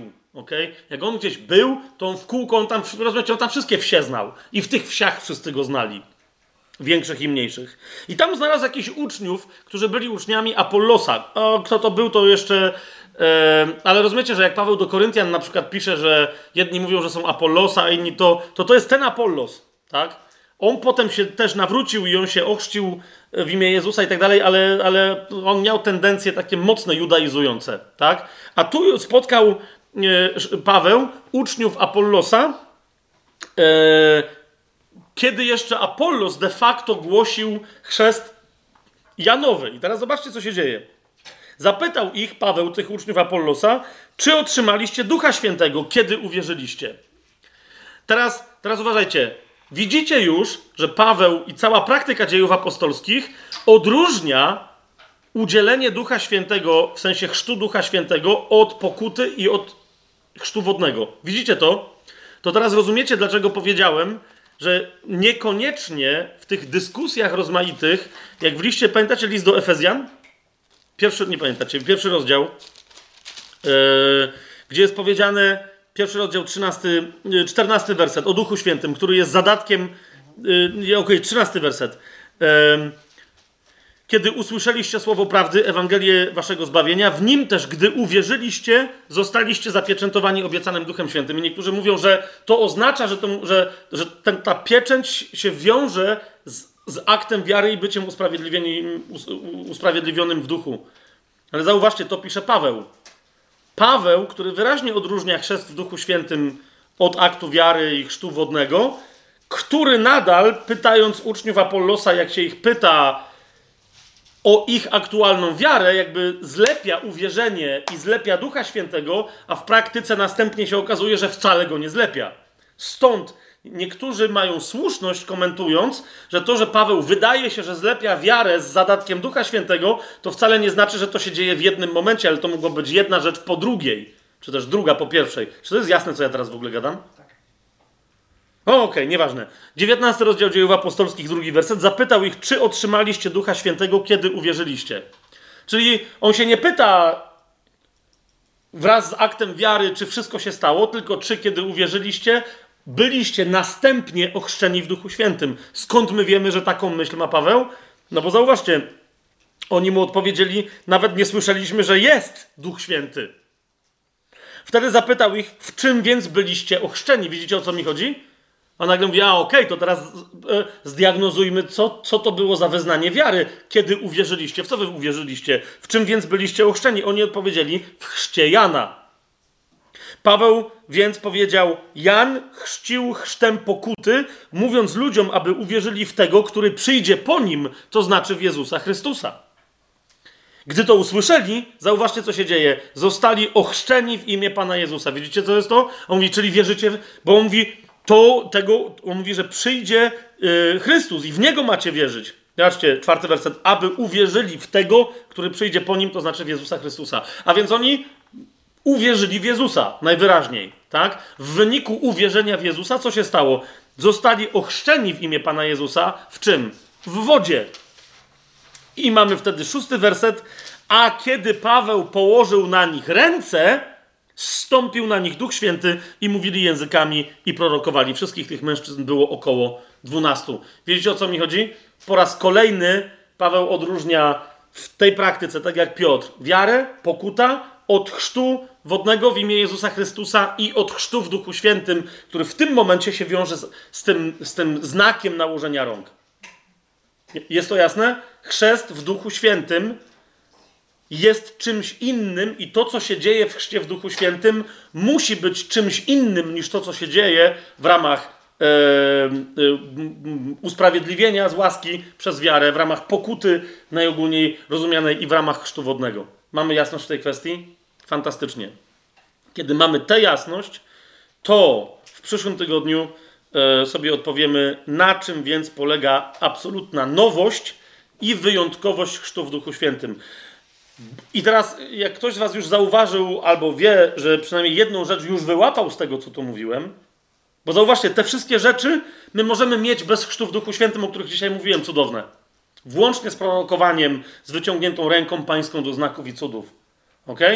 Ale istnieje według mnie przynajmniej pięć takich właściwości, które, jeżeli nie jesteśmy ochrzczeni w Duchu Świętym, nie zaistnieją w naszym życiu. Obczajacie to? Jeżeli ktoś z was wpadł na jedną czy na dwie, ja mówię przynajmniej pięć. Niektórzy się doliczają siedem, bo lubią siódemki. E, ja się nigdy nie doliczyłem. Według mnie pięć. I to też z pewnymi aspektami. Ale na pewno nie jedna. Bez chrztu w Duchu Świętym brakuje nam w indywidualnym życiu wiary, w praktyce wiary i w życiu Kościoła, nie tylko w życiu indywidualnym, brakuje nam absolutnie genialnych rzeczy, które Pan powiedział, że nam się należą. A ponieważ my za chrzest w Duchu Świętym bierzemy coś, co nim nie jest, albo niektórzy się w ogóle na niego nie godzą, to w związku z tym dlatego, chociaż tak za, nich, za nimi tęsknimy w Kościele, to ich w zasadzie prawie nie mamy. A więc o tych, o tych yy, wspaniałych właściwościach chrztu w Duchu Świętym, tym wszystkim, co nie jest tym, o czym dzisiaj powiedzieliśmy, co nie jest dziełem Ducha Świętego przynależnym do innych aktów o, chrztu, o chrzcie w Duchu Świętym, czym on jest w ramach swojej absolutnej nowości, absolutnej wyjątkowości, w ramach, uważaj, osobistej usługi, którą chce ci usłużyć Jezus. O tym będziemy mówić, e, o tym będziemy mówić za tydzień. I chciałbym, żeby nam starczyło czasu, żeby wtedy po tej sesji, bo nie tylko będziemy mówić, co to jest, ale też chciałbym y, dla tych, którzy będą słuchać i tak dalej, chciałbym przekazać praktyczne uwagi, jak otrzymać chrzest w Duchu Świętym. Jeżeli nawet nie masz dookoła siebie kogoś, kto może się pomodlić razem z tobą, bo jeszcze raz, człowiek cię nie ochrzci w Duchu Świętym, to może tylko Jezus zrobić. Ale na szczęście z drugiej strony, bo nie musisz mieć drugiej osoby, do Jezusa zawsze możesz mieć dostęp i cię ochrzci w Duchu Świętym. Ale są też pewne warunki, które trzeba spełnić, więc o tym również będziemy mówić. Niemniej, korzystając mm, z tej okazji, że o tym mówimy, ja czuję, że jest to przełom jakiegoś rodzaju.